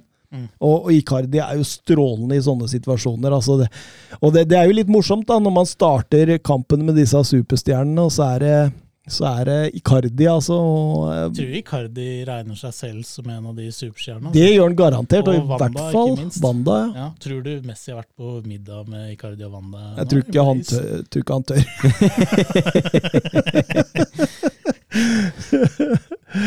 uh, Messi er jo ikke veldig glad i Icardi fra før av, fordi Messi var jo bestevenn med Maxi Lopez. Mm. Som eh, knabba han knabba Vandanara fra. Så, så lenge har jo ikke Icardi spilt for Argentina pga. at Messi har nekta å spille på samme lag som Icardi. Så det, det blir jo veldig spennende å se hvordan dette kan gå framover i tid. Jeg ser ikke på at det er de som henger mest øh, etter treningstid. Jeg tror ikke det, jeg tror ikke det, for å være helt ærlig. Og det kan til og med hende at eh, Messi eh, blei litt forbanna når Icardi satte 2-1 der, fordi det er jo klart det at eh, Messi er jo der for å, for å heve litt penger og vinne Champions League. Det er jo derfor han er der. Jeg tror ikke han bryr seg om en Ligue Ø-tittel. Altså. Nei, jeg tror ikke heller. Jeg tror ikke han bryr seg om nevneverdig om Paris Saint-Germain heller som klubb, for å være helt ærlig. Altså. Nei, jeg tror han syns det er stas at Di Maria og Neymar spiller det. Ja, Det er litt det, men hadde, hadde Di Maria og Neymar spilt uh, Spilt i Juventus, hadde han vært i Juventus, liksom. Um, syns jo Altså, dem Paris Saint-Germain har jo seks seire av seks mulige. Uh, vanskelig å gjøre bedre, men ser man bak resultatene, så er det jo en del som skurrer, og, og midtukekampen med Brygge der som blei bare 1-1. Ah, jeg venter fortsatt på den 3-4-3, altså. Ja, jeg òg. Og jeg venter på at eh, PSG skal være suverene Mm. eh, og kontrollere. Eh, nå hadde jo den eh, 4-0-kampen der mot uh, Var det 4-0 mot Clermont forrige uke? Ja. Men det var kanskje den eneste de virkelig var suverene på, altså. Mm. Absolutt. Eh, Så det blir veldig spennende. Jeg skjønner ikke hvorfor de liksom Det virker nesten som om de venter på Ramos for å kjøre den 3-4-3. Altså, Men det er jo unødvendig, de har jo gode stoppere Ja. utenom Ramos. Altså, Kera, Kera hadde vært mye bedre som stopp enn som høyreback. Det er det jeg tenker, jeg òg. Det er det jeg tenker, jeg òg. Det kan godt hende Hakimi trengte litt eh, hvile, men eh, Nis Monaco endte jo med 2-2. Mm. En, Eh, ikke en seier på Monaco igjen, altså. Nei, men samtidig bedringer, altså. Mm. Dette her var et annet Monaco-lag, og var jo egentlig vesentlig bedre enn NIS eh, totalt sett. Eh, NIS litt prega av den tidlige Dolberg-skaden, som fortsatt sliter litt med fysikken sin, altså. Mm. Ja, det er de to første måla Nis slipper inn i år, da. Ja, I- absolutt. liga, ja. Og det, er- jeg, jeg syns, uh, syns uh, Monaco eh, viser bedring her, og, Åpenbart var jo også Kovac veldig fornøyd etter kampen med at det, det, det viste bedring av Kovac som skrøyt hemningsløst av Galtier før, eh, før kampen. eh, Kalte han League Øs klart beste trener, og, og, og, og sa at han fikk ofte råd på SMS ja. av Galtier, så åpenbart Yes. at de to har utvikla noe. Eh, men eh, 2-2, helt greit. Monaco hakket bedre, og så får det være. Eh, Marseille-Renn endte 2-0. Um, I en kamp egentlig som Altså, Marseille dominerer egentlig fra A til Å, og jeg syns Gendosi begynner å, å vise hva han egentlig er god for. ja, finne seg til rette. Ja, Finne nivået, kanskje. Kanskje ligger nivået han, han trenger. han var ikke veldig god i Hertha Berlin sist sesong. Ah, både òg. Ja, du, han, han hadde lyspunkter, altså. Ja, han, jeg syns han hadde noen lyspunkter, definitivt. Han, eh, han hadde noen, eh, noen gode kamper. men Altså, kampene var helt katastrofe. Så, så sånn, bare fulgte litt sånn Hertha Berlin, hvordan de er som klubb, egentlig. Ja, faktisk, ja. Amin Harit krangla inn 2-0 der, eh, Søren. Ja, Gammel kjenning han òg. Han hadde ikke noe god sesong i Schalke i fjor, det kan vi trygt si. Det hadde ingen. Ja, det, det er faktisk helt riktig. Men det ser jo ut som det er Marseille da, som er liksom det nærmeste laget som kan eh, Så du har ikke trua på Lance? Nei, jeg tror både dem og Anger forsvinner ut av det etter hvert. Er ikke Lance? Jeg mener jeg husker de fra jeg var ung. jeg. Drev ikke de og Hadde masse afrikanere. Senegal-spiller, husker jeg. Eh, Det var jo derfra blant annet han Diof, som var så populær i Liverpool. Kom på. Ja, jeg mener jeg husker Lance fra jeg var yngre, som et sånn lag som plutselig kunne vinne liga en sesong, liksom. Vi kan også ta med at Elban Rashani fortsetter å banke inn mål for Clermont Foot. Han trives i Frankrike. Han eh, koser seg. 1-1 mot Brest der, som også ble sluttresultat. Det er jo for så vidt det jeg fikk med meg av Ligue Ø denne, denne gang. Ja, Det var jo ganske mye, da. Ja, det er jo. det er ikke verst, det. Blir det Nettavisen-abonnement på det, eller blir det IPTV?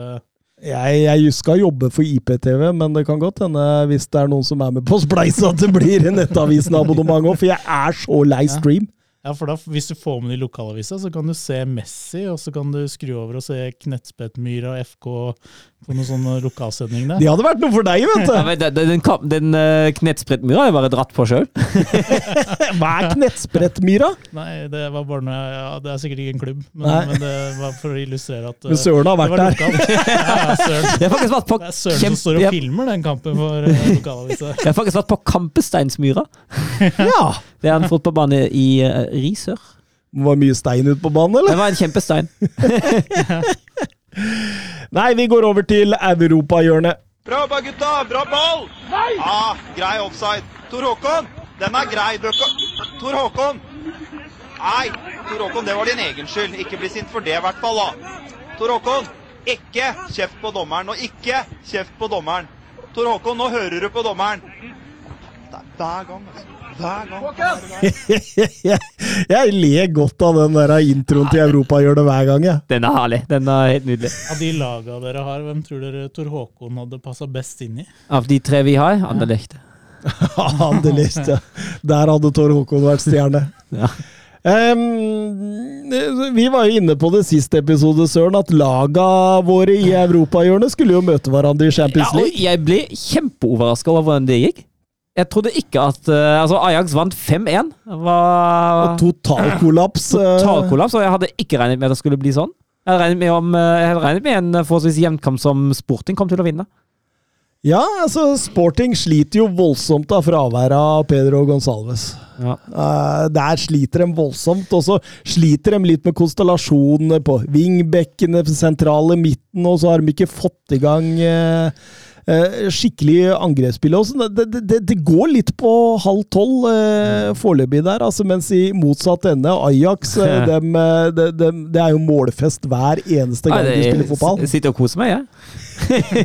Er det 22 seriemål på fem kamper og 27 mål på seks totalt hvis man tar med Champions League? Ja, det er gøy, det. Og Denne helgen var det Kambur som fikk lide. Det er klart at Kambur de skulle få slite med mot Knettspretmyr og Jo da. Altså. Men eh, altså, Ajax, uh, Ajax vinner jo hele 9-0. Ja. Uh, og så snart de finner, finner veien til nettmasken etter en overgang etter kvarter, så bare ruller det inn, og de gir seg egentlig aldri. Uh, Grav Ravenberg er jo nær å skåre 10-0 på overtid, jeg treffer bare stolpen. Uh, det, det som kan jo nevnes som er litt gøy med den kampen der, eh, ikke så mye å analysere egentlig når det er 9-0 og, og hele pakka. Eh, de har åtte forskjellige målskårere, Ajax. Det er bare, det er bare Neves, Neres som skårer to. Eh, ellers er det sju til.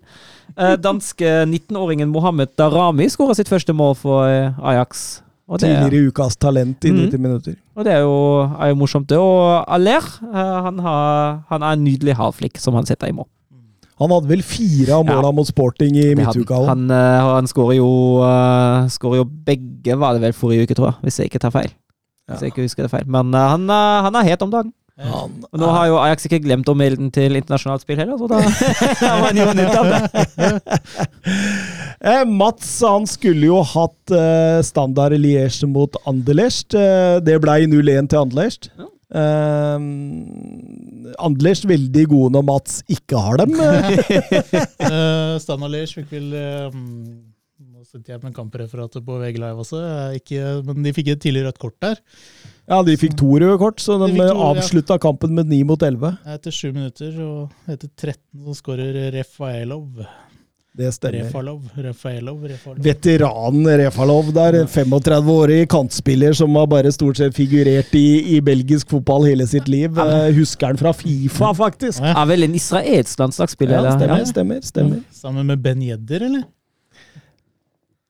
Ben Jedder? Er han? Nei, han er fransk, han. Ja, Ja, men han har vel noen israelske Alltid aner. trodde han var israelsk. jeg. Du har det, ja? Nei, da tenker du på Du har jo han der gamle Celtic-midtbanespilleren. En ny bit, Bitton, er det det han er? Nå, nå, nå beveger vi oss på Nei. veldig, veldig grunn så- Husker også Barcelona hadde et israelsk talent. Eh, hva i alle dager het Han gikk til City etter hvert. Åh, nei, vet du hva. Det, Åh, det må vi komme tilbake til. Eh, israelsk fotball er faktisk ikke min store styrke, altså. Nei, det er ikke min heller, det må jeg bare alle innrømme. Etter Jossi Benayoun der, så mista jeg litt oversikten, ja. Ja, Jossi Benayoun, han er jo derfra. Å, deilig, deilig. Eh, Sporting Lisboa, de møtte Estoril. Eh, nyopprykka Estoril, som har tatt eh, Liga oss med storm, egentlig. De har 4-1-0 på de første fem, og, eh, og det er jo mildt sagt imponerende etter eh, opprykket. Eh, mange jevne kamper de har bikka til sin fordel, og, og denne kampen her også var relativt jevn, men Sporting var best totalt sett eh, gjennom matchen. Kampen blir avgjort etter et straffespark ut i annen omgang. Paulinho der som blir tatt av Estorell-keeperen, og, og få straffespark som eh, Pedro Porro, eh, City-utleide spanske landslagsbekken, eh, setter i mål. Herlig navn. Ja, Pedro Porro, ja. ja nydelig, nydelig. Og, og, og dermed reiser eh, Sporting seg igjen etter eh, en litt katastrofale midtuka mot Ajax. Eh, Sporting har god heng på Porto, og Benfica da, som leder ligaen også med én kamp mindre spilt. Så eh, det, blir kamp mellom de tre store igjen, vil jeg anta. Ja.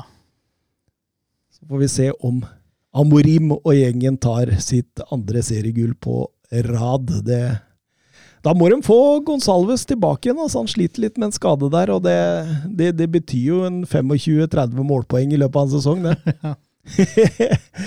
Skal vi si oss ferdige, eller? Ja. Ja, Det er varmt og godt i studio Ja, nå. det er det. ja, ja deilig. Du ser det dogger på, på vinduet der. Det er kaldt ute og varmt inne, så da blir det sånn. Nå begynner vinteren å nærme seg, og, og Mats må få hengt disse varmeovnene på veggene her, Ja, altså. det må. Trenger ikke det når det er tre heite jævler som sitter takk for komplimentet, Tor Kjetil. Takk for at du kom og redda oss denne gangen Takk for at jeg fikk komme. Det har vært uh, veldig veldig gøy. Så får vi satse på at uh, Mats snart får lagt ned børsa og og fått uh, rypene i fryseren, så Ja, det, det veit jeg ikke. Hundene i fryseren, kanskje. eh, Søren, takk for at du kom. Og takk for at jeg fikk komme. Da ses vi igjen neste uke, vi. Det gjør vi. Tar du de håndjerna så du får satt fast Search Ja, ja, vi, vi, vi gjør det. Vi vil ikke si noe her, da. Messi surging forward with real menace here. Brilliant from Messi.